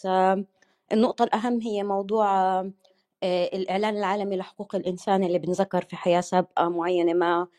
كنت أشتغل في المجال الحقوقي. آه، في تعامل معين ما بأنه إنسان بشكل معين ما هي ستاتيك يعني ثابتة غير قابلة لل آه، للتطور أو إنه هي ثبتت على الإعلان اللي صدر ب 1948 أولا وإنه هي كليتها مشمولة وتوقف فقط آه، عند آه، الإعلان العالمي لحقوق الإنسان اللي عمر الحقيقة ذكر يعني وقف عند هاي النقطة إنه الإعلان العالمي لحقوق الإنسان اللي هي الشرعة الدولية بين قوسين بحد ذاته هي مبادئ عامة ما عندهاش مستوى من الإلزامية القانونية للدول وإنه الإلزامية الحقيقة الحقوقية الأساسية ال11 اللي فيما بعد بتفصل آه، الحقوق والحريات واللي التزمت فيها الدول لما وقعتها. بحدودها وبأشكالها وبكيف الدول ممكن إنه تتعامل معها. فبس أنا طلعت أحكي إنه لما بنحكى عن منظومة الحقوقية في طرق طبعا نتعامل مع الموضوع آه، من بعد فلسفي من بعد أيديولوجي بس في بعد اللي كتير مرات الناس يعني ما ما بتركزش معاه إنه في بعد فعلا مع هو آه، هو الحق وما هو القانون. آه، وين حدوده وين مسؤولياته. أعتقد عمر بلحظة معينة ما أشار لهذا الموضوع آه، إنه آه، الحقوق والحريات لما بتدخل في منظومة مكتوبة ففي عندك أنت النص المكتوب فلما بيكون في نص مكتوب ساعتها كيف القضاة بدهم يتعاملوا مع هذا الموضوع كيف ال- التيم الحقوقي بده يتعامل مع هذا الموضوع. والنقطة الأخيرة هي إنه الحقوق والحريات بحد ذاتها ما فيش فيها إشي مطلق ولا واحد فيها مطلق كلها بتحدد بعضها. و... وال... و... وما وصل إليه اليوم الناس اللي بتتعامل مع هاي المنظومة على أسس عملية على الأقل إنه كليتها مترابطة مع بعض يعني لا يجوز فصلها. فلما بيطلع مثلا حدا بقول آه، الحقوق الفردية ثم الحقوق المدنية ثم الحقوق السياسية آه، ثم الحقوق ثم الحقوق الاجتماعية وكل على حدة وكل منفصل عن بعضه آه، وكل الاحترام طبعا للأفكار اللي بتيجي من من من أي خلفية معينة ما ولكن بال بال بالمتعارف عليه اليوم للناس بتتعامل مع هذا الموضوع آه، بشكل عملي بالنصوص اللي موجودة كما هي موجودة اليوم. آه، التعامل المفروض إنه يكون مترابط يعني ال- الكلمات هي interlinked inter- interdependent آه، و وانترليتد متعلقة في بعضها. فلما بنحكى عن منظومة حقوقية معينة ما بنقول للبني آدم إنه أنت عندك مثلا الحق بالتعبير وأنت ما عندكش حق بالتعلم يعني ما عندكش الحق مثلا بالقراءة والكتابة. وهذا الأساس. آه، تقريبا نقدر نقول إنه الفكر تطور بالشكل تبع البيدي أكثر يعني بالشكل تبع إنه ما بينفعش إنه أنت تفصل الحقوق الفردية عن آه، كاملة وحقوق مترابطة مع بعضها البعض وإنه حرمانك من شق من حقوقك و- ال- الأساسية مع- يعني بالضرورة حرمانك من شق آخر. من هاي الحقوق وما بتقدرش تكون متكاملة. على القليلة هاي تقريبا نقدر نقول لوين وصل الأدبيات تبعت الأمم المتحدة. أنا مش عمالي بحاول, قد ما بقدر إني بس أقول إيش اللي موجود في الأدبيات اليوم. مش عم باخذ منه مواقف بس حبيت إني بس آه، هاي النقطة في هاي وجهة النظر. والحقيقة إنه الإشي مش بالمرة ما هو ثابت ولا ستاتيك الحقيقة إنه في نضالات حقيقية موجودة آه، من مجموعات كبيرة يعني سواء كانت حقوقية مرات أو حتى لوبيهات سياسية. اللي باستمرار بتحاول تغير تبع المنظومة الحقوقية وتطور فيها. وهذا من خلال الآليات الدولية بحد ذاتها سواء كانت آليات الاتفاق من خلال الآليات اللي برا الاتفاقات يعني من خلال منظومة آه، اللي بيسموها المقررين الخواص. في مقررين خواص سواء لحقوق معينة ما أو مقررين خواص لمواضيع دول معينة ما اللي هم باستمرار بيفسروا وين وصلت المعايير الدولية اللي لها علاقة بحماية آه، آه، حق معين ما أو فكرة معينة ما بهاي الحقوق. بس حبيت أنوه لهاي النقاط إنه إحنا مش عم نحكي عن إشي وجد بال 48 وخلص إن إن إن انحفر بالرمل ومش عماله بيتطور وإنه اليوم الناس بتشوف إنه كله مربوط في بعضه على الأقل الناس بتتعامل مع هذا الإشي بشكل عملي. آه، ما فيش إشي بنفصل عن إشي تاني. واسفه إذا طولت. لا شكرا جدا جزيلا لا خالص. طيب خلينا برضو كده نمشي بسرعة ممكن تنزلي يا يارا. هو almost تقريبا هي midnight سيدني يعني. أنا حنزل خلينا نخلص الناس تلحق نورت دكتورة حرية إزيك؟ أخبارك إيه؟ آه، صباح الفل يا نو واي أو مساء الفل على حسب توقيتك. إيه؟ صباح الفل يا دكتور أحمد باشمهندس عمر. مالكم وكل الناس اللي موجودة في ال audience صباح الورد ومساء الورد عليكم جميعا. طيب تمام أنا هتكلم بشكل عام يا جماعة عشان ما يبقاش أنا لا بشخصن والله ولا في أي حاجة عشان يبقى في تحفظ شوية بس آه، تعليقا بس على آه، كلام اتقال. آم، شوية بي بي بستغرب لفكرة إن إنسان عربي خارج من مجتمع عربي عارف كل مشاكله. يروح لدولة أجنبية بتطبق قيم ال- العلمانية بقى ليبرالية سميها زي ما تسميها وفي حقوق أكتر وحريات أكتر على أرضها نتيجة آه، تنفيذ أجندة معينة كده في الحكم. وفي وفي النمط العام كده للدولة ووضع القوانين و فبتتمتع شعوب ال- الدول دي بتتمتع بحريات وحقوق نتيجة ده نتيجة التطور اللي حصل لهم ده. ويجي بعد كده بمنتهى ال- البساطة كده آه، ينظر أو آه، يعني يستكتر على الشعوب العربية اللي بتنادي بنفس الحريات ونفس الحقوق. آه، حتى لو هم داخل الفكر الديني نفسه مش هقول لك إن ناس خرجت من الفكر الديني لا حتى ناس جوه الفكر الديني نفسه عاوزين الحقوق والحريات دي ليهم واللي حواليهم حتى لو هو مش هيستخدمها. يعني هو حتى لو مش هيستخدم الحق والحرية اللي هتتحط له في الدستور أو في القانون آه، لأن هو مش مضطر لها نتيجة التزامه بفكر ديني معين أو أي شيء لكنه في النهاية آه، هو عايز ال- الإطار العام اللي بيحكم الدولة يبقى الحقوق والحريات. عشان هو لما يجي يتصرف في الحتة اللي عايز فيها حقوق وحريات يلاقيها. فعارف جدا معنى إن أنا أقف آه، مع وجنب آه، آه، زميلي أو آه، المواطن اللي جنبي أو أخويا أو اللي جنبي في الدولة واطالب معاه بحقه وحريته اللي أنا مش محتاج لها؟ لأن في يوم من الأيام أنا كمان هحتاج للحق والحريه ده فهيقف هو كمان جنبي وهيدعمني بنفس الدعم. ال- الحاله دي لما بنوصل لها عموما آه، بنبقى فعلا وصلنا لدولة فيها حرية وفيها عدالة وفيها ديمقراطية. إنما طول ما أنا متمتع بشيء معين في دولة ما وعندي كل ال ال المقومات دي ومستكتر على الناس اللي في الدول ال- ال- ال- اللي زي دولنا إنهم يطالبوا بالحقوق دي أو يقولوا ان إن الفكر اللي إحنا ماشيين فيه بقالنا سنين وأنا هنا بتكلم عن الفكر كفكر وكوعي جمعي للناس مش بس كقوانين دولة أو أو كت... لأن في النهاية إحنا ال... ال... الناس اللي. بتحكمنا دي والناس اللي بتخرج لل يعني ل... ل... ل... ل... يعني للمناصب السياسية والناس هي هي في النهاية قادمة من هذا الفكر هي قادمة من هذا ال... ال... الوعي وبالتالي آه، إحنا عمالين بندور في نفس الساقية ما بنخرجش. طب ما نغير يا جماعة ما الدول اللي أنتوا قاعدين فيها دي غيرت خرجت من من المعضلة دي وضعت الدين آه، في مكانه الصحيح والسياسة والحكم في مكانها الصحيح. فابتدوا يتطوروا وابتدوا يتقدموا ووصلوا اللي هم وصلوا له. عرفوا يفصلوا ما بين الاتنين. هل الدين هو السبب؟ لا الدين مش هو السبب. استخدام الدين هو السبب. أدلجت الناس بطريقة معينة إن هم يبقوا تابعين بلا وعي إن هم ما يفكروش إن هم ما يبدوش رأيهم في شيء إن هم يمشوا كده آه، كقطيع. هو ده هو السبب مش الدين هو السبب. الدين بريء ما هواش السبب. بدليل إن في ناس متدينة وبتدعو للحرية دي وبيقولوا ده حقنا وكانت معانا دكتور آلاء حالا وقالت يعني ست مسلمة وبتقول الكلام ده بتقول إن هي بتدعم حق غيرها وحريته. فاحنا ليه دايما بن بنخلي الموضوع صراع ما بين الدين والعلمانية؟ ليه ليه ليه ليه, ليه حاطين العلمانية دايما ضد الدين؟ أو كأنها يعني العلمانية دي هتيجي هت هتدمر الدين. لا يا فندم هي العلمانية هتحميك وهتحمي غيرك. آه، مظلة كبيرة هتحميك أنت وغيرك. بس هتدي لك حقك وتدي لغيرك حقه. مش مش هتخلي أنت بقى الاستحقاقية اللي أنت اتولدت بيها وتربيت عليها سنين هي اللي مخلياك مش قادر تستغنى عن فكرة إن أنا أكون أنا المتحكم دي. الاستحقاقية دي هي اللي عاملة فيك كده. أما بقى فكرة الجملة اللي اتقالت بتاعت إن الليبرالية هي علمنه للقيم الدينية.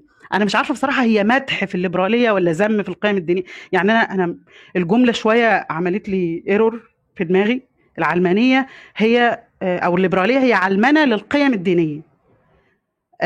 مش فاهمة. يعني هل القيم الدينية تقصد بيها اللي هي القيم السامية يعني القيم الجميلة اللي موجودة في الدين وبالتالي الليبرالية لما تدعو لهذه القيم فهي علمنه للقيم الدينية. طب هل يا ترى القيم السامية دي آه، هي أتت فقط مع الأديان؟ يعني البشرية ما عرفتش القيم الجميلة إلا مع قدوم الأديان. كانوا قبل كده وحوش كانوا في غابة كانوا بيقطعوا بعض. ولا يا ترى آه، أنت تقصد إن ده ذم في في الليبرا في في الليبرالية لأنها بت بتعمل علمنه للقيم الدينية يعني بتدمر القيم الدينية مثلا عند الناس. أنا ما فهمتش الجملة كويس والله فكان نفسي أفهمها. بس في الحالتين برضو بننط على فكرة إن هو علمانية ولا دينية. آه، يا ترى هي ليبرالية ولا دينية؟ مفيش أصلا مفيش مفيش نقاش يعني مفيش صدام ما بين الاثنين أنت الدين الدين ده تجربة ذاتية للبني آدم علاقة ما بينه وما بين ربه آه، إطار عام من الحياة ما بينه وما بين ربنا هو عايز يعيشه شكل معين من الحياة وعايز يعيشه مع ربه. حاجة شخصية قوي. أنت لا عايز تعممها على الناس. طب ما العلمانية بقى والليبرالية دي تبقى حاجة بتحمي حقوق كل الناس دي إن هي تعيش في الشكل اللي هي عايزاه بس اللي هو يختاره. لكن لما أجي أحط القانون أحطه على مسافة واحدة من الكل. ف يعني حبيت بس أقول الكلام ده نو واي وبشكرك على إتاحة الفرصة. شكرا جزيلا وأنا هنزل نفسي تحت شكرا جدا دكتور حضرتك اتفضل يا مالكم السلام عليكم. أنا مش عارف آه، أنا صوتك ضعيف جدا يا نور فانت بتنادي لي ولا آه إيه بقول لك اتفضل معلش المايك كان بعيد شوية. اتفضل. حبيبي طيب آه أنا بس يعني طبعا أنت عارف ما ينفعش تبرم عن التعايش وأنا ما أطلعش فيها. يعني ده يعني آه، عيب حق عمر بسيس والله. طيب خلينا أنا السؤال نفسه لفت نظري. أنا مش مش مهتم أعقب على كلام حد قوي لأن طبعا ده من شروطك أنت في الرومات. أنا مش مهتم أعقب على كلام حد لأنه في الآخر كان كلام كله إدعاءات. ثواني فكان كلام كله ادعاءات. في الآخر آه عبد المنعم مختفي عن الكلاب هاوس فترة فأنا هضطر أتقمص شخصية عبد المنعم شوية. ال- ال- ال- الفكرة آه، يا نو أنا دلوقتي أنت بتقول لي هل التعايش سقط ده سؤال. السؤال أصلا ابتداء هل التعايش كان موجود؟ طيب خلينا نفرق ما بين جوه كلاب هاوس وبره كلاب هاوس. وخلينا في بره لأنه كلامه كتير قوي ولازم نختصره علشان ما نروحش قوي. لأن كلامه بره هيبقى مزعج جدا وهري بقى على الفاضي. اللي أنا شفته ملخص الناس اللي اتكلمت إن كان مؤيد أو معارض ال ال الناس طلعت بنتائجها اللي هي استنتجتها بعد أفكارها رمتها عليا كمسلمات إن أنا آمن بيها. خلاص أنا هو ده كده وإحنا كده والمفروض هو كده وما يبقاش غير كده ولو بقى غير كده يبقى غلط. ليه؟ علشان ده نتائجي أنا والناس اللي شبهي وصلنا للنتيجة دي. وبديهي لازم توصل أنت كمان والا تبقى متخلف وراجعي وغبي وجاي من الصحراء وراجعين في القرون الظل- الظلماء خلاص؟ نفسي الناس تفهم إن المفروض أنا لما باجي أناقش لو أنا مالكم جاي بيناقش ملحد فداخل بيقول له هو بما إن الله موجود وبما إن محمد نبي صلى الله عليه وسلم وبما إن القرآن كلام الله وبما وبما فلازم تسلم بقى خلاص. هل ده منطق؟ مش حقيقي. يعني ده ده مش ده مش يعني مش تفكير بني آدمين. مفيش حد بيفكر كده. الأصل إن أنا أخش أدلل على ده. خلاص؟ فبما إن لازم أدلل على ده لازم اللي ادعى إن القيم الليبرالية اللي أنا اقف على المسافات والكلام الجميل اللطيف الحريات وال- والحقوق الكلام اللي, اللي عامل زي الأساتك ده اللي محدش بيعرف يلمه لازم تدلل عليه ابتداء إنه صح. طيب هل أصلا هل أصلا أنت مسموح لك بره في الدولة اللي بتطبق القيم دي؟ هل أنت مسموح لك تخالف القيم دي؟ لا. تمام؟ وإلا هيقام عليك حد ردة. زي حد الردة اللي عندنا كده. عندنا حد الردة بيقول إن بما إن في دين قائم في الدولة دي فلازم حضرتك تنصاع للدين ده وما تجهرش بالعداء ضده وإلا تخضع لحد الردة. خلاص كده؟ وده بيطبق في أي إيديولوجي في الدنيا. ليه؟ حد الرده عن المجموعة بتاعته وما ينفعش تخرج عن النصوص بتاعته. خلاص؟ فاللي عنده ي... أو اللي يقدر يدلل على عكس كلامي اتفضل. دي دي جزئيه فخلينا ده اللي بره كلاب هاوس لأنه كلامه كتير وهري كتير ومالوش أنت لازمه بتتكلم على حد رده اللي هو معنوي يعني؟ حد رده عمومي؟ ولا بتتكلم على حد رده اللي هو حد الرده في الدين الإسلامي حد رده إن كان لا لا أنا بتكلم حد رده بفكرته العامة. فكرة إن هو إقصاء الشخص ده وعقوبته وإن أنا آه لو حد طلع في أمريكا النهارده بينادي إن أنا إن الراجل مش زي الست هيتح- هيتحاكم. لو حد طلع بينادي ان إن ال- ال- ال- المجموعات المختلفة جندريا ما- ما- ما- ما هو مش طبيعيين انت استخدمت أنت استخدمت أنت استخدمت اسم الاسم ده بيعمل عارف أنت مثلا كان على فكرة ال background music عندك ما أنا بحب جدا. طب ما فيش حاجة اسمها آه كده. أنا بحب ال troll كمل. خليني خليني خليني أكمل لك بقى. فده بره كلاب هاوس لا لا أنت لو بصيت بره هتلاقي كويس جدا اللي أنا بقوله لك إن في الآخر أي حد يخالف القيم دي أو بيجهر إنه ضد القيم دي هيتحاسب. تمام؟ وخاصة بقى لو خد إجراء وتحرك وبتاع ودعا وكلام زي كده هيتحاسب. ده بره كلاب هاوس. جوه كلاب هاوس بقى أنا سمعت كلام لطيف ان ان المتطرفين كانوا هم بيصطنعوا التعايش. ده حقيقي. أنا طالع اكد الكلام إن ده حقيقي. أنا واحد من الناس ادعيت إن أنا متعايش. لأنه على الحقيقة أنا ما شفتش تعايش. التعايش نفسه ما اقيمش محدش عرف يقيم التعايش. تمام؟ تعايش يعني الناس هي اللي عايزة تعمل تعايش. هل هنا الناس كانت تعمل تعايش؟ لا. مش حقيقي. طيب. خلينا بقى نتفرج مين اللي كسر أول ناس كسرت التعايش.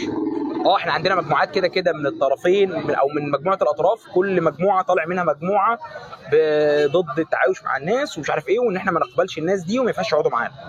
في مجموعات وكان في مجموعة كبيرة دايرة كبيرة كده كان الناس دي ترتبط مع بعض. لحد إيه؟ لحد ما دخلوا في حاجة زي مبحث الإلهيات اتقتل مبحث الإلهيات نطلع نتكلم في إيه؟ نطلع ننظر إن الازدراء وسب المقدسات ده حرية. أنا أنا آسف على ال- ال- ال- المزيكا اللي جنبي لأن كنت على طريق وما كنتش سامع كويس وكنت محتاج فعلا أتكلم. ف فمين مين بدأ بكسر التعايش؟ مين بدأ بإعلان حرب واضحة ضد المجموعات التانية؟ تمام؟ وإن هو ده ولو مفيش ده يبقى مفيش تعايش. التعايش إن أنا أسيب مقدساتك إن أنا أهينك إن أنا أهين أشخاصك إن أنا إن أنا أعمل كل ده. تمام؟ ده حقي. خلاص؟ وبالضرورة هيترد عليه. أنا أبقى راجل مغفل لو أنا توقعت إن هيترد عليا غير ده غير الرد اللي اترد عليهم بيه. تمام؟ فأنا يعني استغربت من طبيعة الناس اللي اتكلمت. يعني هو في الآخر أنت هل النظر عندك ما شافش ده من الأول؟ ما شافش مين كسر التعايش؟ فأنا قاعد أتفرج. وختاما أنا صراحة يعني بحب في موضوع التعايش ده اطلع في عمر بسيس شوية وأنسى. خلاص أنا كده خلصت يا نو شكرا جدا. طيب شكرا جدا. خلاص ممكن تنزل تحت. وأنا بشكل واضح بس حاسس إن المزيكا بتاعتك هي دي النهاية اللطيفة لل- لل- للكلام بتاعنا. اتفضل يا عمر. لا اتفضل. إيه؟ لا يعني أقول إيه بعد كل اللي اتقال وبعد كل الذي قيل ماذا أقول والكلام ده كله. أنت عايزني أقول إيه يا نو؟ أنا قاعد معاك أهو سامع. ولا أنت عايز طيب. تقفل؟ بص هقول لك حاجة بقى. عشان أنا بقى أنا يعني أول حاجة اللي بيني يا عمر practice practice a bit of self restraint لو سمحت. لا لا لا عادي عادي. لا لا. يعني أنا قاعد هنا وأنا أنا عندي مليون حاجة أقولها على كل مداخلة اتقالت. يعني لا لا لا لا, لا. أنا هقول آه. حاجة عامة. الحمد لله. التنوع والتعدد والاختلاف دي سنة من سنن الله سبحانه وتعالى. ويعني ما دام الاختلاف ده سنة من سنن الكون صعب الناس كلها تتفق على أفكار وتصورات معينة أو ايديولوجيات معينة أو ايديولوجيات محددة. ده غير الدين طبعا. والإسلام يعني ده معروف إن هو بيقوم على الاعتراف بال- بالاعتراف بالآخر. والايه اللي هي في سوره الكافرون لكم دينكم ولي دين لكن. ليه ليه يعني كتير مسلمين مش قادرين يفهموا أو يعني يعني فاكرين إن هم اوصياء على المسلمين وغير المسلمين فمثلا يعني يتم إلقاء الأحكام مثلا ده مؤمن ده كافر ده منافق ده مرتد أو حتى ممكن نطبق الكلام ده برضه على مسيحيين برضه أو على يهود أو على مش عايز أقول مثلا في مذابح مثلا مثلا اتعملت على إيد لا دينيين مثلا لو اتكلمنا على بول بوت مثلا في في الخمير الحمر أو ستالين مثلا فترة من الفترات.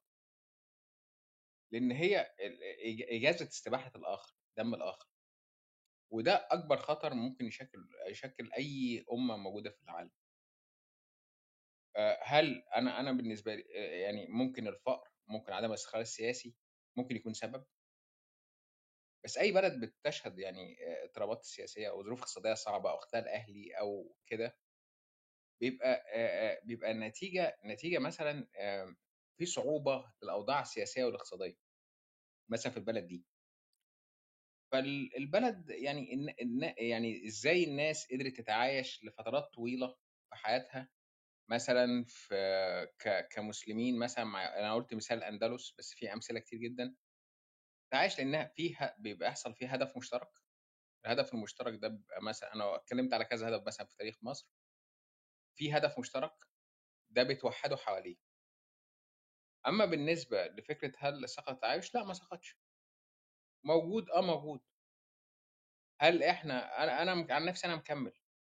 وكل شهر كده هعمل room عن الفكرة العامة يعني إيه وا- واحدة من ال aspects بتاعت مثلا التعايش. أنا مثلا خطاب الكراهيه عملتها الصوابية السياسية هعمل ع- ع- عملتها هعمل حاجة غيرها. ما فيش حاجة اسمها التعايش مش موجود موجود بس إحنا عايزين نطوره. أما بالنسبة وبالنسبة لل application ما هو نو واي في الأول وفي الآخر الناس دي لازم تتحاور مع بعض.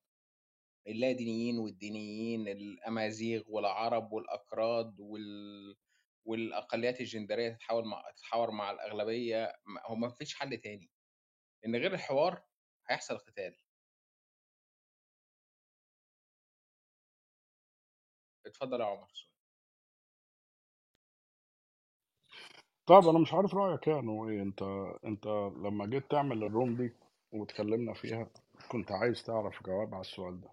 أنا اديتك المقدمة بتاعتي وقلت لك يعني إيه تعايش ويعني إيه فرق الاختلاف آه، من ناحية عمر طبعا. أنا مش بنظر إن هو ده هو الأساسي وده هو الأكاديمي ومفيش حاجة تانية لأ. ولكن أتمنى تكون شفت من المداخلات اللي أنا كنت بكلمك عليها. يعني أنا من المداخلات دي مثلا لبيدي سأل سؤال هو الإسلام ايديولوجيه فأنا لما أجي أجاوب على السؤال ده مثلا أنا هو إيه هتلاقي واحد مسلم يقول لك الإسلام ليس أيديولوجية والإسلام دين ولا يتنازل أن يكون أيديولوجية أو ده سياق آه، كلام ديني. ولكن لو عرفنا بمعنى الأيديولوجية اللي هي مجموعة من الأفكار والقيم آه، تؤدي إلى نظام مجتمعي وفي الأغلب تؤدي إلى نظام سياسي واجتماعي واقتصادي يبقى واحد هيقول لك آه إحنا عشان السياق بتاع الحوار بتاعنا هنا ده أيديولوجية. آه، في ناس كتير آه، استعملت كلمة العدالة. استعملت كلمة المساواة. استعملت كلمة الحقوق. استعملت كلمة الحريات. استعملت كلمة الحاكمية. استعملت الكلمة الوحيدة اللي ما كانتش ناقصة من الخمس كلمات اللي أنا بقولها لك أنا طول الوقت هي الشرعية. فتاني الخمس كلمات اللي هم ليس لهم أي معنى. لغاية ما يبقى في مدرسة تعرفهم هم الشرعية والح... آه، والحقوق والحريات والعدل بما فيها القانون والمساواة وكل الحاجات الجميلة دي والحاكمية. كل أيديولوجية كل مدرسة فلسفية كل مدرسة مجتمعية بتحاول تعرف الخمس كلمات دول وتطبيقاتهم على حسب المدرسة بتاعتها.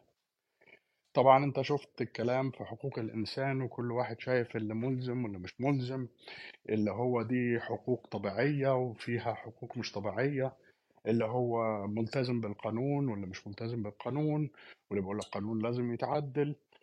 كل الكلام ده إنه هو ده اللي بقول لك عشانه أنا بالنسبة لي التعايش سقط أو قام أو كل الكلام ده أنا بالنسبة لي كان الهدف إن هو الناس لما تيجي تتخانق تعرف هي بتتخانق فيه وده كان كان هدف شخصي بالنسبة لي إن أنا أعرف أنا بتخانق على إيه. يعني حتى لو الناس كلها آه، كانت شايفة إنه موضوع كلاب التعايش ونقاشات التعايش ونقاشات ال- الأيديولوجية والنقاشات دي كلها كانت بلح. بالنسبة لي أنا كان الموضوع إن أنا على الأقل أعرف. وأنا داخل أتناقش في موضوع لو سبت مشاعري على جنب وحاولت حاولت دكتور علاء اتكلمت في ال biases. أنا واحد من الناس اللي بعتبر نفسي فاشل في موضوع إن أنا أسيب ال bias على جنب ولكن لما بطلع على كلاب هاوس أو بطلع في نقاش مع حد بحاول أسيب ال bias على قد ما أقدر. حاولت إن أنا أسيب مشاعري على جنب وحاولت إن أنا أسمع الكل عشان أعرف أحط النقط دي وهو ده اللي بالنسبة لي كان مكسب.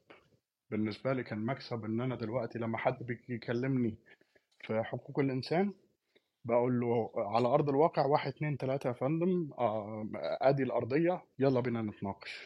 واحد بيجي يكلمني الأيديولوجيات آدي يا فندم واحد اتنين تلاتة هي دي الأيديولوجية تعرفها كده الأقسام اللي تحتها هي كده تعالى نتناقش.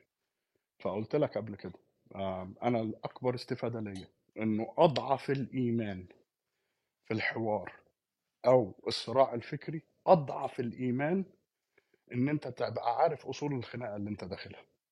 تبقى عارف أنت بتتكلم على أرضية إيه. ناس بعتت لي من تحت بتقول لي ما تعلق على حكاية إن أنت ما سمعناكش بتتكلم في الشرع والدين غير مع المسلمين. أو بتتناقش معاهم أو بتسألهم أسئلة دينية أو بتفتحوا موضوع دينية غير مع المسلمين. آه، اولا ده مش صحيح أحيانا أنا بتطرق للدين. ولكن تاني هل أنا مشكلتي مع المخالف في إطار النقاش الاجتماعي؟ إن أنا آجي أم، أقيم عليه الحجة وأقول له أنت لازم تتبع اللي أنا عليه؟ لا ده في إطار دعوي. يعني أنا لو داعيه هعمل كده.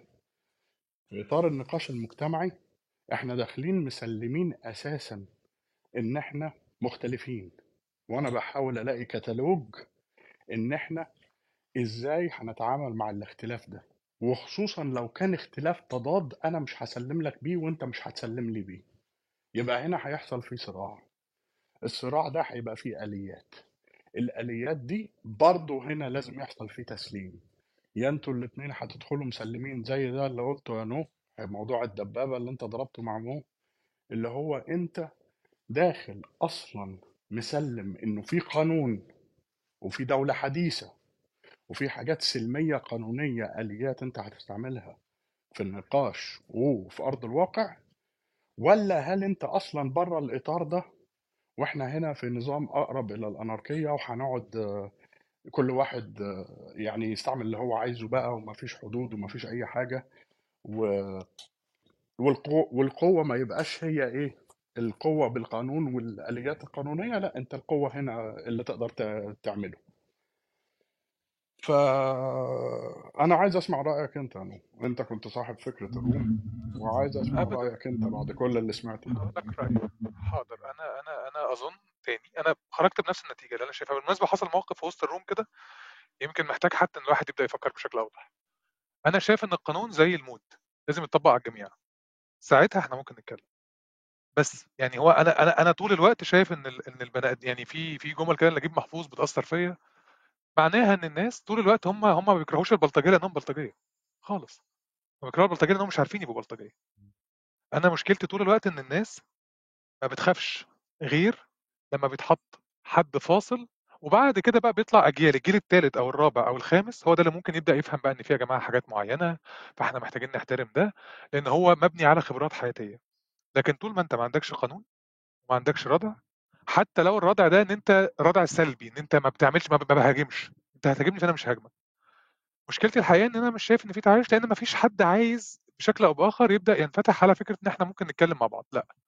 لسه من شوية اتكلمنا في أول روم على موضوع إن أنا لما باجي أتخانق مع حد أنا حرفيا أول حاجة هعملها معاه هنا في النقاش إن أنا هتكلم معاه.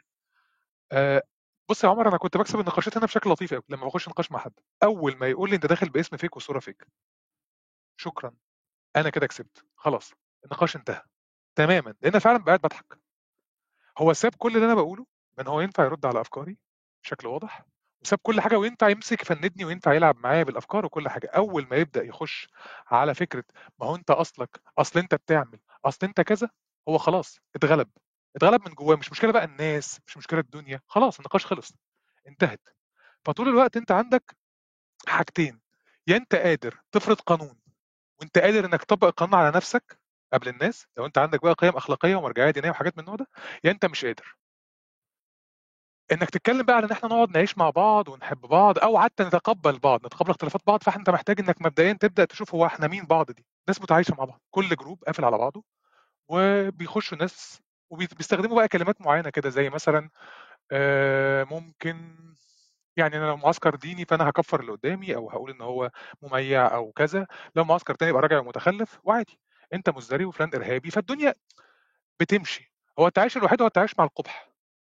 بصراحة يعني هو ده الشيء الوحيد اللي إحنا ممكن نقوله. لحد ما يطلع جيل كم يعني جيل كده قادر يكون فكرة معينة إن إحنا ينفع نقعد نتكلم مع بعض. لحد ما ده يحصل هي زي ما قلت لك أنا شايف إن الفكرة كانت جميلة. التعايش كان شيء لطيف. الناس كويس إنك تسمع آراء مختلفة. وان إحنا نقعد نفتح دماغ بعض ونتكلم مع بعض. لكن لا ده مش هيحصل. اللي هيحصل إن بعد شوية وقت أنا هبدأ أروح آه للي قدامي وأبدأ أتكلم على على يعني على حياته. لقيت حياته مش نافعة هروح لأهله. لقيت أهله مش نافعين هروح لجدوده. هي دي الحدوتة. أنت ضعيف ونقاشك ضعيف فهو ده اللي بتلجأ له. بس هو ده رأيي وأنا رأيي ده من أول الروما حتى باغلب الآراء اللي سمعتها بشكل أو بآخر يعني. وانت مستني نسمع حاجة مختلفة حاجة يمكن الناس كلها بتتكلم في في ال- في الحاجة اللي ينفع نعملها. أنا بتكلم في اللي على الأرض اللي أنا شايفه. أنت بتحكم أو بتتحكم عليك بالقانون القوي. لو أنت قادر تبقى قوي أهلا وسهلا مش قادر خلاص يا معلم. قادر إنك تبقى قوي حتى بالصمت. قادر إنك تبقى قوي إنك أنت تمسك نفسك. قادر إنك قوي إن- يعني هي دي الأصول هي دي اللعبة. يا قادر إنك تلعب يا ما تلعبش. لكن إن إحنا نبدأ نتكلم على إن إحنا هنقعد نتقبل اختلافات بعض ونسمع كلام بعض وكل الكلام ده والله العظيم نفسي بس هو أنت محتاج الجيل التالت من المهاجرين أو الجيل الرابع. لو أنت مش قادر إنك تتحكم في نفسك على الأقل في ناس بتتأذي من كلام زي ما السلاح بيأذي. لأ في ناس ممكن تبقى يعني في مثلا من فترة كده كان في حملة على ال application اللطيف ده عبارة عن إن في حد بيخش يجيب صورة ست ويحطها. هو ده مش ممكن يخلي حد ينتحر؟ آه ممكن حد ينتحر. لو كلمت الناس دي هم بيعملوا ليه كده؟ يمكن يكون فيهم حد شايف إن هو بيعمل ده عشان خاطر بيدافع عن ربنا أو بيدافع عن الحرية للناحية الثانية طيب أنت بتتكلم تعايش إيه؟ هي مفيش تعايش. خالص. انت في ان انت شايف ان انت انت شخص ضعيف جدا ولو كلمت مع حد من الناس اللي بيعملوا الكلام ده كلام بقى كده كلام رايح جاي هو لو انت خبطت عليه هيطلع بوم بوم بوم بوم بوم برميل فاضي. لا هو فاهم فكر ولا فاهم حاجة ولا في عقيدة ولا في دين ولا في أخلاق ولا في أي حاجة خالص. بس طالما في ما فيش قوة ما فيش قانون. طالما ما فيش قانون فإحنا ماشيين كده يعني. والله ما كرهتم البلطجة إلا لأنها كانت عليكم. بس كده. نقطة. طب نسمع ماركوس؟ اتفضل ماركوس. سيد نيتشه. أيوه نو واي قلب طب نيتشاوي آه جدا جدا. هو القهوة حلوة قوي البن حلو قوي البن محوج. أنا نفسي أعرف بس الراجل ده أنا عايز أروح أزوره لأن هو فعلا أنا عمال أقول كلام زي الدرر وهبقى مثقف وهقعد جنب إسلام والناس دي وأنا فعلا يا جماعة أنا أتفه من كده. الكلام كله كان تافه يعني. اتفضل يا باشمهندس. اتفضل يا ماركوس اتفضل يا ماركوس hi إزيكم؟ يعني موضوع مهم وشكرا على ال... على أنا بشكر الصراحة كل حد يعني بشكر بشكرك يا نوي واحمد وعمر على دايما ال...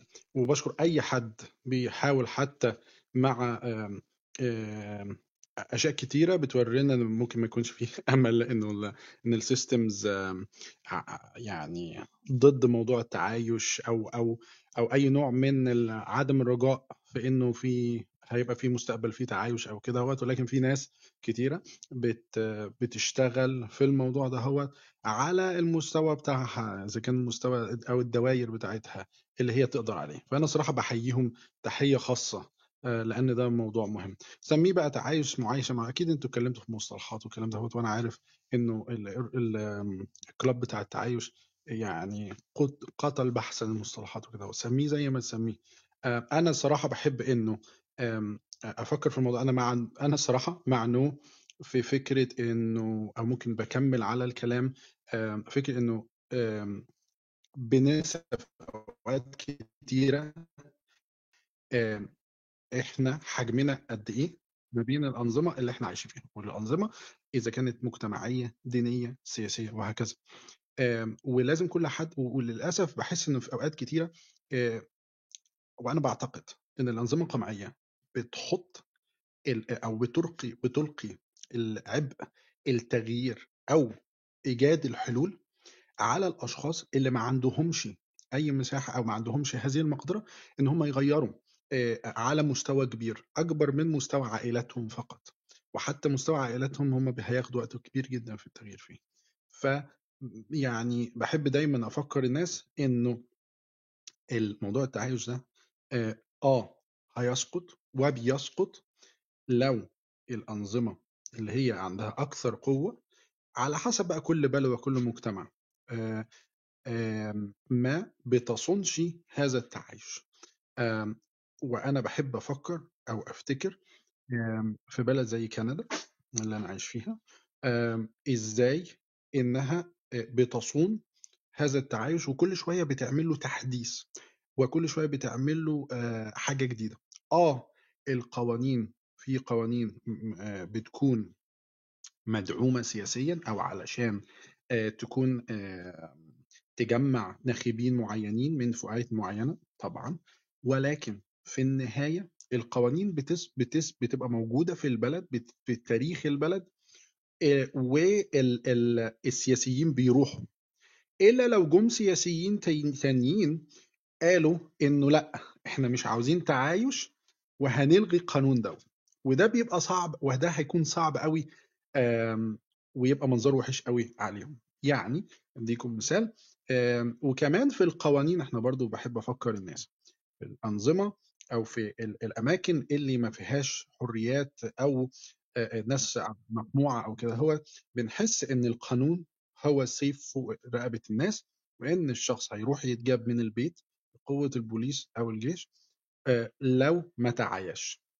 آه، الحقيقة إنه القوانين اللي بتبقى موجودة آه، قوانين مثلا موجودة هنا في كندا ما فيش بوليس هيروح يجيبك لو أنت اتبلغ عليك لو أنت مش متعايش. ومحدش هيبلغ عليك أو يعني برضو احتمالية إن أنت يتبلغ عليك وتتجاب من البيت عشان أنت مش متعايش دي برضو حاجة. لكن القوانين أو الفكرة في البلاد دي عن القوانين إنه إنها موجودة علشان تقول للناس اللي من فئات. معينة مستضعفة مقهورة أو قهرت إنها ما تخافش وأنت ماشي في الشارع. آه آه، طبعا مش هقدر أمحي خوفك تماما بس هدي لك قانون يعني إحنا عندنا في سنة واحدة آه، الحكومة الليبرالية ال- آه، بتاعه ترودو وأنا بختلف فيها معاها في حاجات كتير قوي عملت قانونين شديدي الأهمية. واحد قانون لتجريم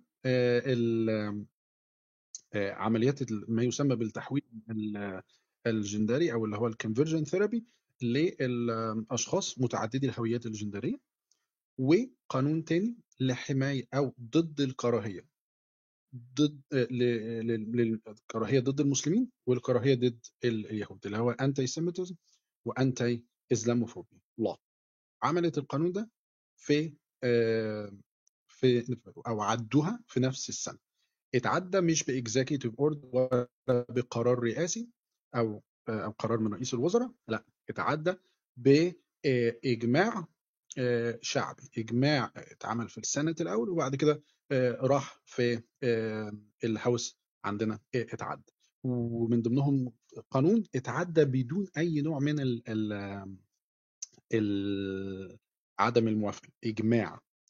فنرجع تاني نقول إنه وبعدين القوانين دي لما بتنزل هي مش بس بتقول سنجرم وسنقصي وهنعمل إيه لا إحنا كمان آه هنعمل فاندز هنعمل فلوس. هنحط فلوس سنوية بتتحط إن إحنا نعمل برامج مجتمعية وبرامج حكومية آه نزيد الوعي نعمل يعني يعني حوار زي كده ده آه زي اللي حصل على ده دلوقتي ممكن تلاقيه موجود في كندا مثلا ومدعوم من الحكومة. وان هو جايبين ناس بتتكلم وخلينا نقعد نتكلم بالساعات على الحوار في حوار مجتمعي على التعايش لأن دي حاجة من حاجات التغيير الاساسيه لكن إحنا بأدوارنا كده اللي هي ال volunteering الصغيرة دي من غير ما يبقى في دعم حكومي موجود في قانون آه، مش هيحصل. أنا في رأيي وهقولها بطريقة bold جدا لحد ما إحنا بنشوف عندنا آه، آه، في بلاد الشرق الأوسط وبلد زي مصر. آه، بقالنا سنين طويلة جدا بنشوف ما يسمى بموائد الوحدة الوطنية أو أو الزيارات أو إن تلاقي الصورة ال- الصورة ال typical بتاعة الشيخ مع مع القسيس. والناس على الأرض عارفة عارفة إنه دي كلها صور. لحد ما يبقى في قانون. مش بس رادع. قانون بيجرم الكراهية. ضد الأقليات أو قانون يجرم إن في كنيسة تتحرق قانون يجرم إن في حد يتقال عليه آه، إن هو كافر وكمان يعمل sponsorship أو يحط فلوس ويدعم الحوارات المجتمعية زي حوار زي كده على كلوب هاوس أو حوارات على الأرض آه، مش هنلاقي هل أقدر أؤكد إن التعايش سقط. وهو ده اللي إحنا محتاجين نفكر فيه. لو عاوزين نغير أو نخلي أو نشوف إنه التع... التعايش هيستمر أو لأ أو ما سقطش أو لأ نشوف ال scale اللي أنا أقدر أغير فيه. ركز في العيلة عندك ركز في دايرة أصدقائك. آه، لكن آه، ما تقولش إن إحنا عندنا تعايش مجتمعي أو تعايش في بلد معينة بدون قوانين تحمي هذا التعايش. شكرا يا جماعة. شكرا يا ماركوس. ماركوس بيرجعنا للقانون يا عمر. القوانين هي اللي بتحمي التعايش هو ده اللي انت سمعته. أنا سمعت انه في كندا بيدفعوا للنقاشات اللي زي دي وأنا نوي جايبني أنا وانت ببلاش. بيدفعوا كام؟ كتير يا ماركوس والمفروض يدفعوا لكم. لا بيدفع بيدفعوا ريلي جود ويجز مش شرط إن هو يدفعوا هو ده بقى اللي ممكن بيتسمى في الأنظمة القمعية إن آه أنت مدفوع لك من النظام المعين علشان تيجي تقول الكلام ده. إحنا هنا بنسميه آه، ممكن نسميه تعايش أو ضد الكراهية. هي المشكلة يعني مش قصدي حاجة يا ماركوس طبعا بس مقارنة دولة عالم أول بدولة عالم عاشر في اختلاف كبير جدا يعني. أنت أنت عارف عمر في ناس على ال application أصلا مش متعايشة على نفسها خالص يعني. ما هو علشان كده صعبة الصراحة أنا بفكر الناس بال scale بتاعهم. أنا ما بقارنش بلد دي ببلد دي. أنا شايف إنه عدم المقارنه المقارنة مش مش في فاهم مجالها خالص. ولكن لو في إحنا نظام أو system ما بيدعمش خلاص نحاول نغير في دوائرنا الصغيرة آه، أو ننقل لبلد تاني خطاب ماركوس إصلاح يا عمر. اللي هو إيه يعني اللي هو غير في الدوائر الصغيرة الصغيرة يعني ابن طوبة ورا طوبة مشوار ألف ميل يبدأ بخطوة بمعنى أصح. آه. أنا فاهم طرح ماركوس عشان كده ما يعني ما ما عنديش تعليق. أنا سمعت ماركوس قبل كده. أنا أنا يعني في حاجات كتير. أنت عارف إنه ماركوس آه، بياخد الحكاية طوبة طوبة طوبة زي ما تقول زي ما أنت بتقول وأنا في نفس الوقت أنا راجل تفكيكي لابعد الحدود. فكل طوبة في دول أنا بالنسبة لي هفككها وأقول له أنت ناوي تعمل إيه هنا؟ وأنا قلت في أول ال room زي ما أصلت وقلت لك إنه أنا عندي كم معضلة في كم حتة. المعضلة دي بالضرورة هتبقى موازنة بين اللي ماركوس بيقوله وبين نيتشه اللي فوق بيقوله. يعني أنت عندك الطرح النتشاوي اللي ختم بيه نووي versus الطرح اللي بيقوله ماركوس وهم مش versus هي بس يعني طريقتين أنت بتعالج بيها المشكلة وفي نفس الوقت أنا كواحد تفكيكي هقعد أفكك الاثنين دول وأشوف هو أصلا فين العوار هنا وهنا. لأن أنا قلت لك في في الأول البيدي آه، لو الناس فاكرة إنه إنه إنه أنا معايا عصاية سحريه أو حل ما عنديش أنا بس بفكك اللي بسمعه وبتكلم بتكلم عليه بس. المهم إنه إسلام فخري على البانل يا أحمد أنت لاحظت؟ آه آه آه. إسلام عايز تقول حاجة؟ يعني كده تقريبا مش هننام لغاية الساعة 4 الصبح. السلام عليكم. عليكم السلام ورحمة الله. لبيدي لبيدي no way يا عمر إيه معرفش لو أنتوا يا جماعة ال room طولت أنا عادي أنا كنت طالع بس أقول كلمتين وأسلم عليكم قول. اسلم على الناس اللي موجودة في ال room فبراحتكم يعني. لا ما عنديش مشكلة يعني. خلاص لا يا عم ما عشان هحسبها عليك بعد كده وأقول إن أنت سهرتني وبتاع فأقول. طيب آه بصوا عشان أنا ما سمعتش كل الروم ده أكيد من سوء حظي يعني. آه، سمعت بعض الأفكار فأنا مش هعلق عليها هكتفي إن أنا أقول إن في أفكار كتير اتقالت أنا ما كنتش موافق عليها. بس خليني أنا أقول رأيي في قصة التعايش. إيه، أنا شايف إن أكتر حاجة ودي وجهة نظري أكتر حاجة بتضر التعايش هو إن أنت تتكلم في التعايش. إيه، إن أنت تحطه تحت ال focus و... ويبدأ ال focus ده يولد لك طرفين معادلة. كل واحد فيهم متمسك بشكل أو بآخر بوجهة نظره في ما يسمى التعايش. سهل جدا إن أنت تلاقي اختلافات بين الناس. سهل. آه، سهل قوي إن أنت تلاقي أو تكتشف آه، اختلاف أو تضاد سواء كان الاختلاف ده حاد أو غير حاد. سهل قوي إن أنت تلاقي حد رأس مالي بيقول لك الاشتراكية ما ساوتش بين الناس غير في الفقر. سهل قوي تلاقي حد شيوعي يقول لك الرأسماليين دول بتوع حرية السوق إيه، بيخلوا إن الكبار هم اللي بياكلوا الصغيرين والشعب بيتآكل والطبقية والفجوات وال... والكلام ده. دي حقيقة. ما دي حقيقة. ما أنا بقى عشان كده بقول ما أنا عشان كده بقول لك سهل بغض النظر عن إيه الحقائق وإيه الزيف لكن أنا بتكلم في إن سهل إن أنت تلقط الاختلاف. سهل جدا إن أنت تلقط الاختلاف لما يجي حد من المعسكر اللاديني ويقول إن مفيش أي معقول يثبت أي وجود إله وده بالتبعية كل المتدينين لا عقل لهم. أو يجي حد من المتدينين ويقول الأدلة واضحة وصريحة وأي حد بينفي كده فهو جاحد. ولكنه يوقن في نفسه أن ثمة هناك إله ولكنه يجحد بذلك. زي ما يكون الناس غاوية تغلب نفسها وخلاص. سهل إن أنت تلاقي ده. بس المفاجأة إن في حاجة تانية سهلة. بس إحنا أنا شخصيا ما اكتشفتهاش إلا مت... إلا ريسنتلي إن في قواسم مشتركة كتيرة جدا جدا بين كل المختلفين. لو اتكلمت في علم الاجتماع هتتفاجئ إن في قواسم مشتركة بين مختلفين كتير بيقفوا ورا فكرة اجتماعية واحدة أو فكرة اقتصادية واحدة لو أنت اتكلمت في علم الاقتصاد أو فكرة سياسية واحدة لو أنت بتتكلم في السياسة أو فكرة أخلاقية واحدة لو أنت بتتكلم في الأخلاق. هتتفاجئ إن هتلاقي ناس من معسكرات مختلفة بدأوا يعملوا سب كاتيجوريز كده آه، وبدأ اليميني يقعد جنب اليساري والديني يوافق اللاديني والرأسمالي يقول الشيوعي مع حق في النقطة دي والحداثي يقول لأ الأصولي أو التراثي مع حق في النقطة دي آه، وهكذا.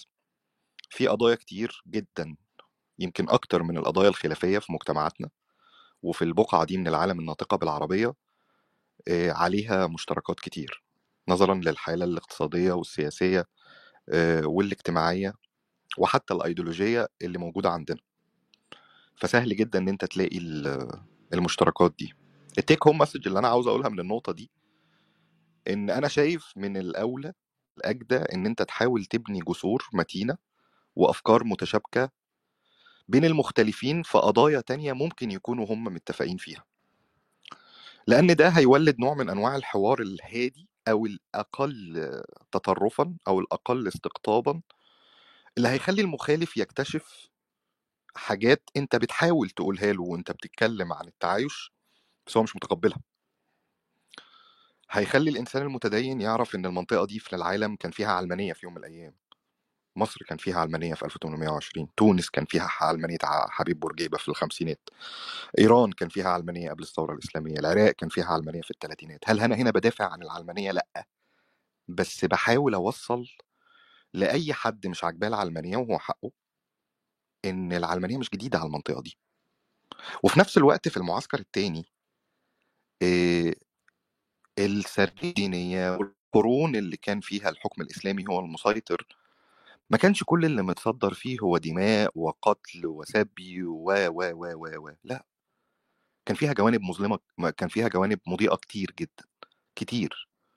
ويمكن أثرها لسه لغاية دلوقتي بننعم بيه سواء في الدول الغربية أو الدول الشرقية. ولو فتحنا كلام على الإسهامات اللي أسهمت فيها الحضارة الإسلامية في الثمان قرون ومن كلام من مستشرقين غير مسلمين يعني جفة الأقلام في الكلام عن الموضوع ده.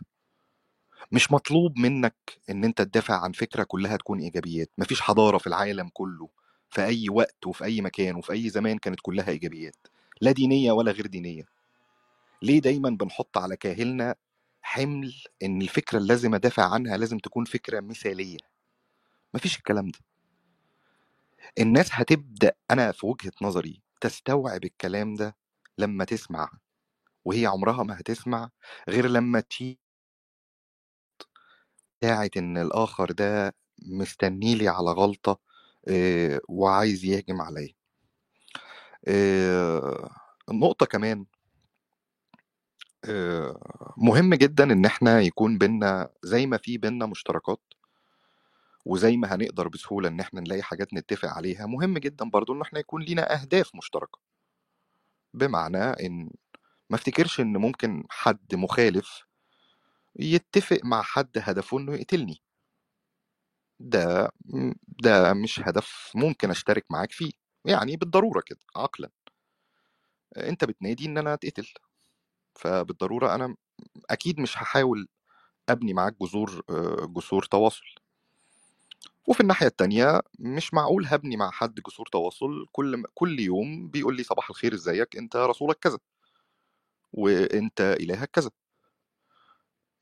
طب نتكلم لأ أنا جاي أقول لك كده وأمشي بس مش عايز منك حاجة من غير ما تعمل لي أي حاجة ومن غير ما تقول لي أي حاجة ومن غير ما تظلمني ومن غير ما تقهرني ومن غير ما تمارس عليا أي حاجة أنا جاي أقول لك كده وأمشي عشان أنا عايز أقول لك كده آه، ما افتكرش إن دول ودول ممكن الطيف الأعظم في السبيكترم في النص. يعني يبني معاهم جسور حوار أصل أنت هتقول له إيه؟ هتقول له لأ ما ينفعش تقتله لأن هو جزء من المجتمع وليه حقوق وليه حريات هيقول لك لأ أنا ما بسلملكش بده أصلا. والتاني هتقول له إيه؟ هتقول له لازم تراعي إن أنت عايش معاه والراجل ده ليه قداسة وعنده مقدسات وبيحترمها والفاليو بتاعته أكبر من م... من ما أنت ممكن تتخيل هيقول لك أنا ما يهمنيش أصلا. فالناس دي مش أنا مش جاي هنا أقول هم صح ولا غلط. بس أنا جاي هنا أقول الناس دي مش الخطاب بتاع التعايش وإيجاد القواسم المشتركة هو اللي المفروض يتقال لها لأن الناس دي حددت إجابة السؤال من بدري. أنا مش عاوز أصلا مش عاوزك. ال- ال- الجمل البراقة الرنانة الجاذبة للآذان واللي كتير قوي بيسقفوا لها اللي بتبان إنها عاملة زي روشتة الدكتور الجمل اللي بتلاقيها مكونة من ثلاث أربع كلمات فيها الحل السحري. الجمل اللي زي اللي زي الغرب التقدم الحضارة الغربية الليبرالية الديمقراطية العلمانية الناحية الثانية التراث الأثر التمسك بالعادات والتقاليد الأديان وصحة الدين تطبيق الجمل اللي زي دي لما بيتقال بعدها هو الحل اعرف إن القائل بده ده دي وجهة نظري اللي ما أقدرش الزم بيها أي حد واللي ممكن على فكرة تكون غلط ما عنديش مشكلة بس دي قناعتي. اللي بيتكلم بالناريتيف ده غالبا بيكون أحد ثلاث أشخاص ملوش رابع. يا إما شخص هو على غير دراية بمدى تعقيد الموضوع اللي إحنا بنتكلم فيه إن الموضوع معقد فعلا وفي عوامل مختلفة وفي سياقات متعددة بتأثر عليه عوامل في أوقات كتير جدا بتبقى جاية أصلا من حتت مختلفة. يعني ممكن تبقى تتكلم في حاجة في في الاقتصاد بس بيأثر عليها حاجة ليها علاقة بالعادات بيأثر عليها ليها علاقة بالجغرافيا بيأثر عليها عامل سياسي بيأثر عليها عامل ايديولوجي أحيانا حتى بيبقى عامل جيني جغرافي. فأنت بتسقط كل العوامل دي وبتتناسى كل السياقات والمؤثرات وبتقوم طالع بحكم واضح قاطع جازم كده وبتحاول تبروموت إن هو ده هو الحل. فده قلة وعي منك. ده الإنس- الشخص الأول. الشخص الثاني إنه بيكون عارف حقيقة الموضوع ولكن بيبقى نوع عنه نوع من أنواع التحيزات فبيخفي الجوانب السلبية وبيبرز الجوانب الإيجابية كما لو كان إن هو ده الحل وبيتناسى حاجات كتير هو عارفها وما بيقولهاش وده اللي إحنا بنقول عليه مدلس. والنوع الثالث هو النوع ال- اللي بتتملكه دجمة شديدة. الدجمة دي خلاص. بقى شايف إن إن هو ده الحل لكل المشاكل اللي حواليه الدجمة سيطرت عليه لدرجة إنه عايز يتشبه بالغرب في كل حاجة عاوز يرجع بالزمن لورا في كل حاجة عاوز يقلد أمريكا في كل حاجة عايز يقلد فرنسا في كل حاجة عايز يبقى عامل زي الصين في كل حاجة أو عايز يرجع بالزمن 700 800 سنة لورا في كل حاجة وهكذا. أنا برضو شايف إن الناس دي مطلوب منها فضلا وليس أمرا إنها تراجع نفسها شوية. الموضوع مش بالبساطة دي. إيه، الوضع اللي إحنا بنتكلم عليه في بعض المواضيع الجدلية دي نتاج أجيال وأجيال وأجيال سبقتنا. والمواضيع اللي إحنا بنتكلم فيها أنا مش قصدي هنا إحنا اللي على البانل أنا قصدي عموم ال ال ال الاختلافات اللي موجودة على الكلاب هاوس. المواضيع دي قتلت بحثا وناس كتير أقدم وأشطر مننا اتكلموا فيها. وناس معاها سلطة وناس معاها ثقافة وناس معاها power وناس معاها ايديولوجيا اتكلمت فيها. ومع ذلك آه، لسه لم آه، يحسم فيها الأمر. فعادي يعني.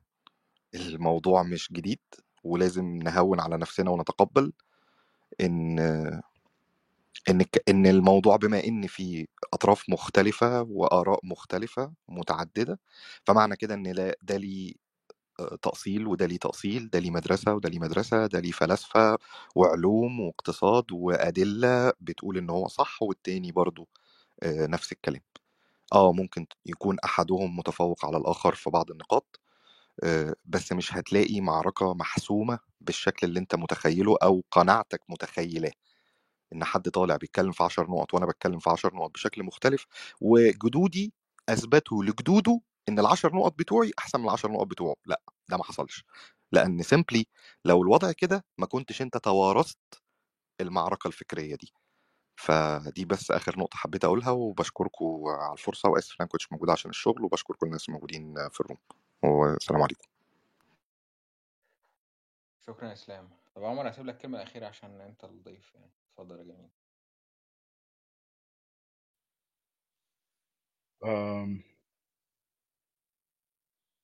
أه مش عارف الكلمة الأخيرة هتكون عشان كده أنا بحب إسلام فخري. يعني آه، ال ال الحق يتقال. أنا شايف الموضوع آه، بنفس الكومبلكسيتي أو التعقيد اللي شايفه إسلام. هقوله آخر الناس أظن يعني سمعوا كل حاجة. ردا على موضوع هل سقط التعايش ده لو قلنا تس- التعايش هو الحوار هنا أنا بقول لأ. الحوار مستمر. أنا شخصيا وصلت لمرحلة إنه عرفت أتخلص من الضغوطات ضغوطات كتير آه، آه، بسبب ال expectations على كلاب هاوس والواحد يتعامل مع كلاب هاوس إزاي؟ والواحد يقدر يخ يعني يعمل مساحة لنفسه والناس اللي حواليه إن هم يقدروا يتكلموا. وأنا بصراحة عشان مش جاي أنادي بحاجة وعشان ما عنديش يعني زي ما تقول إن أنا طلعت أول يوم على كلاب هاوس كنت طالع أعمل rooms technology وبتاع ولقينا نفسنا أنا لبيدي إسلام يزن ميدو بودز كل الناس المختلفة دي لقينا نفسنا بنتسحل في الحوارات المجتمعية عشان كل واحد فينا عنده اهتمام بالموضوع. آه، فلقينا نفسنا بنتسحل في الموضوع ده. ولكن أنا هت- هأكد تاني إنه السبب اللي أنا هنا عشانه عشان أتعلم. يعني ممكن تقولوا إنه الكلام اللي قاله إسلام والكلام اللي أنا قلته هو بيؤدي لنفس النتيجة. ولكن ال- ال- الفكرة إن أنا في كلام إسلام حتى لو اتعلمت إزاي أصيغ الجملة اللي أنا عايز أصيغها أحسن في المستقبل ده بالنسبة لي استفادة. لو عرفت إن أنا أفهم المخالف معايا في الرأي ده منطلق منين ده بالنسبة لي استفادة. حتى لو إحنا في صراع مستمر. حتى لو إحنا أفكارنا ضد بعض بالضرورة ولكن أنا مهم إن أنا أفهمك. وبتمنى إنه الناس تكون برضو عايزة تفهمني. وفي الأول والآخر آه، كان في كده جملة أنا على طول بقولها آم، الخناقة الفكرية دي ممكن تكون بيني وبينك. ولكن لما تنطلق إلى أرض الواقع هو اللي بيحكم في الموضوع يا الواقع في حد ذاته يا طرف ثالث لا أنا ولا أنت لينا تأثير عليه. أنا بالنسبة لي آه، يعني دي كلمة عايز أقولها إن هو إيه عشان هو برضه لما سألني إمبارح في موضوع التعايش والكلام ده آه، من ناحية الاستفادة أو من ناحية الهدف. أنا راجل عشت 22 سنة معتبر نفسي أقلية وعشت في بلاد آه، غرب وشرق وكل كل اللي أنت عايزه. اشتغلت في كذا شركة قابلت عشت في كذا مجتمع. كل حاجة واستقر بيا الأمر إن أنا دلوقتي آه، في أستراليا. أنا عندي 40 سنة. أنا شايف إن أنا يعني آه، لو هتسألني هدفك في الحياة إيه مش أكيد هدفي مش في الحياة مش إن أنا أطلع آه، أتكلم في التعايش على كلاب هاوس. أنا في هدفي في الحياة بسيط جدا. إن أنا عيالي وأنا عندي أربع ولاد هيطلعوا هيت... هيشوفوا التنوع والاختلاف ده موجود وهيلاقوا اللي ضدهم وهيلاقوا اللي معاهم. أنا لو سبت أثر في الدنيا دي يكفيني إن أنا آخد اللي كل اللي اتعلمته من إسلام ونوي وأحمد وكل الناس اللي تحت وكل الناس اللي على كلاب هاوس وكل ال... النقاشات المجتمعية اللي أنا رحتها وكل ال public speaking أو ال public listening.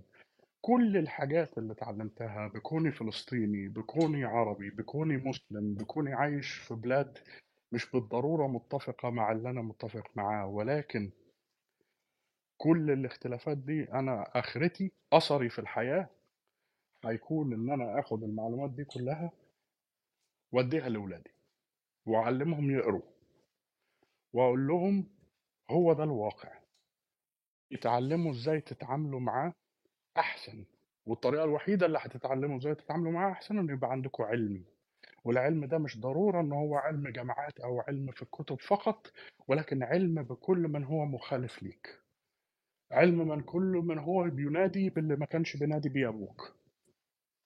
عشان تعرف تتعامل معاه وتعلموا تفرقوا بين الاختلاف. مش كل اختلاف خناقة. في اختلاف تنوع زي ما قلنا أنت في طريقك يا صاحبي وأنا في طريقي ومش هنأثر على بعض. وفي اختلاف صائغ ولازم تتعلم إن أنت هتسلم مرة وهو هيسلم مرة.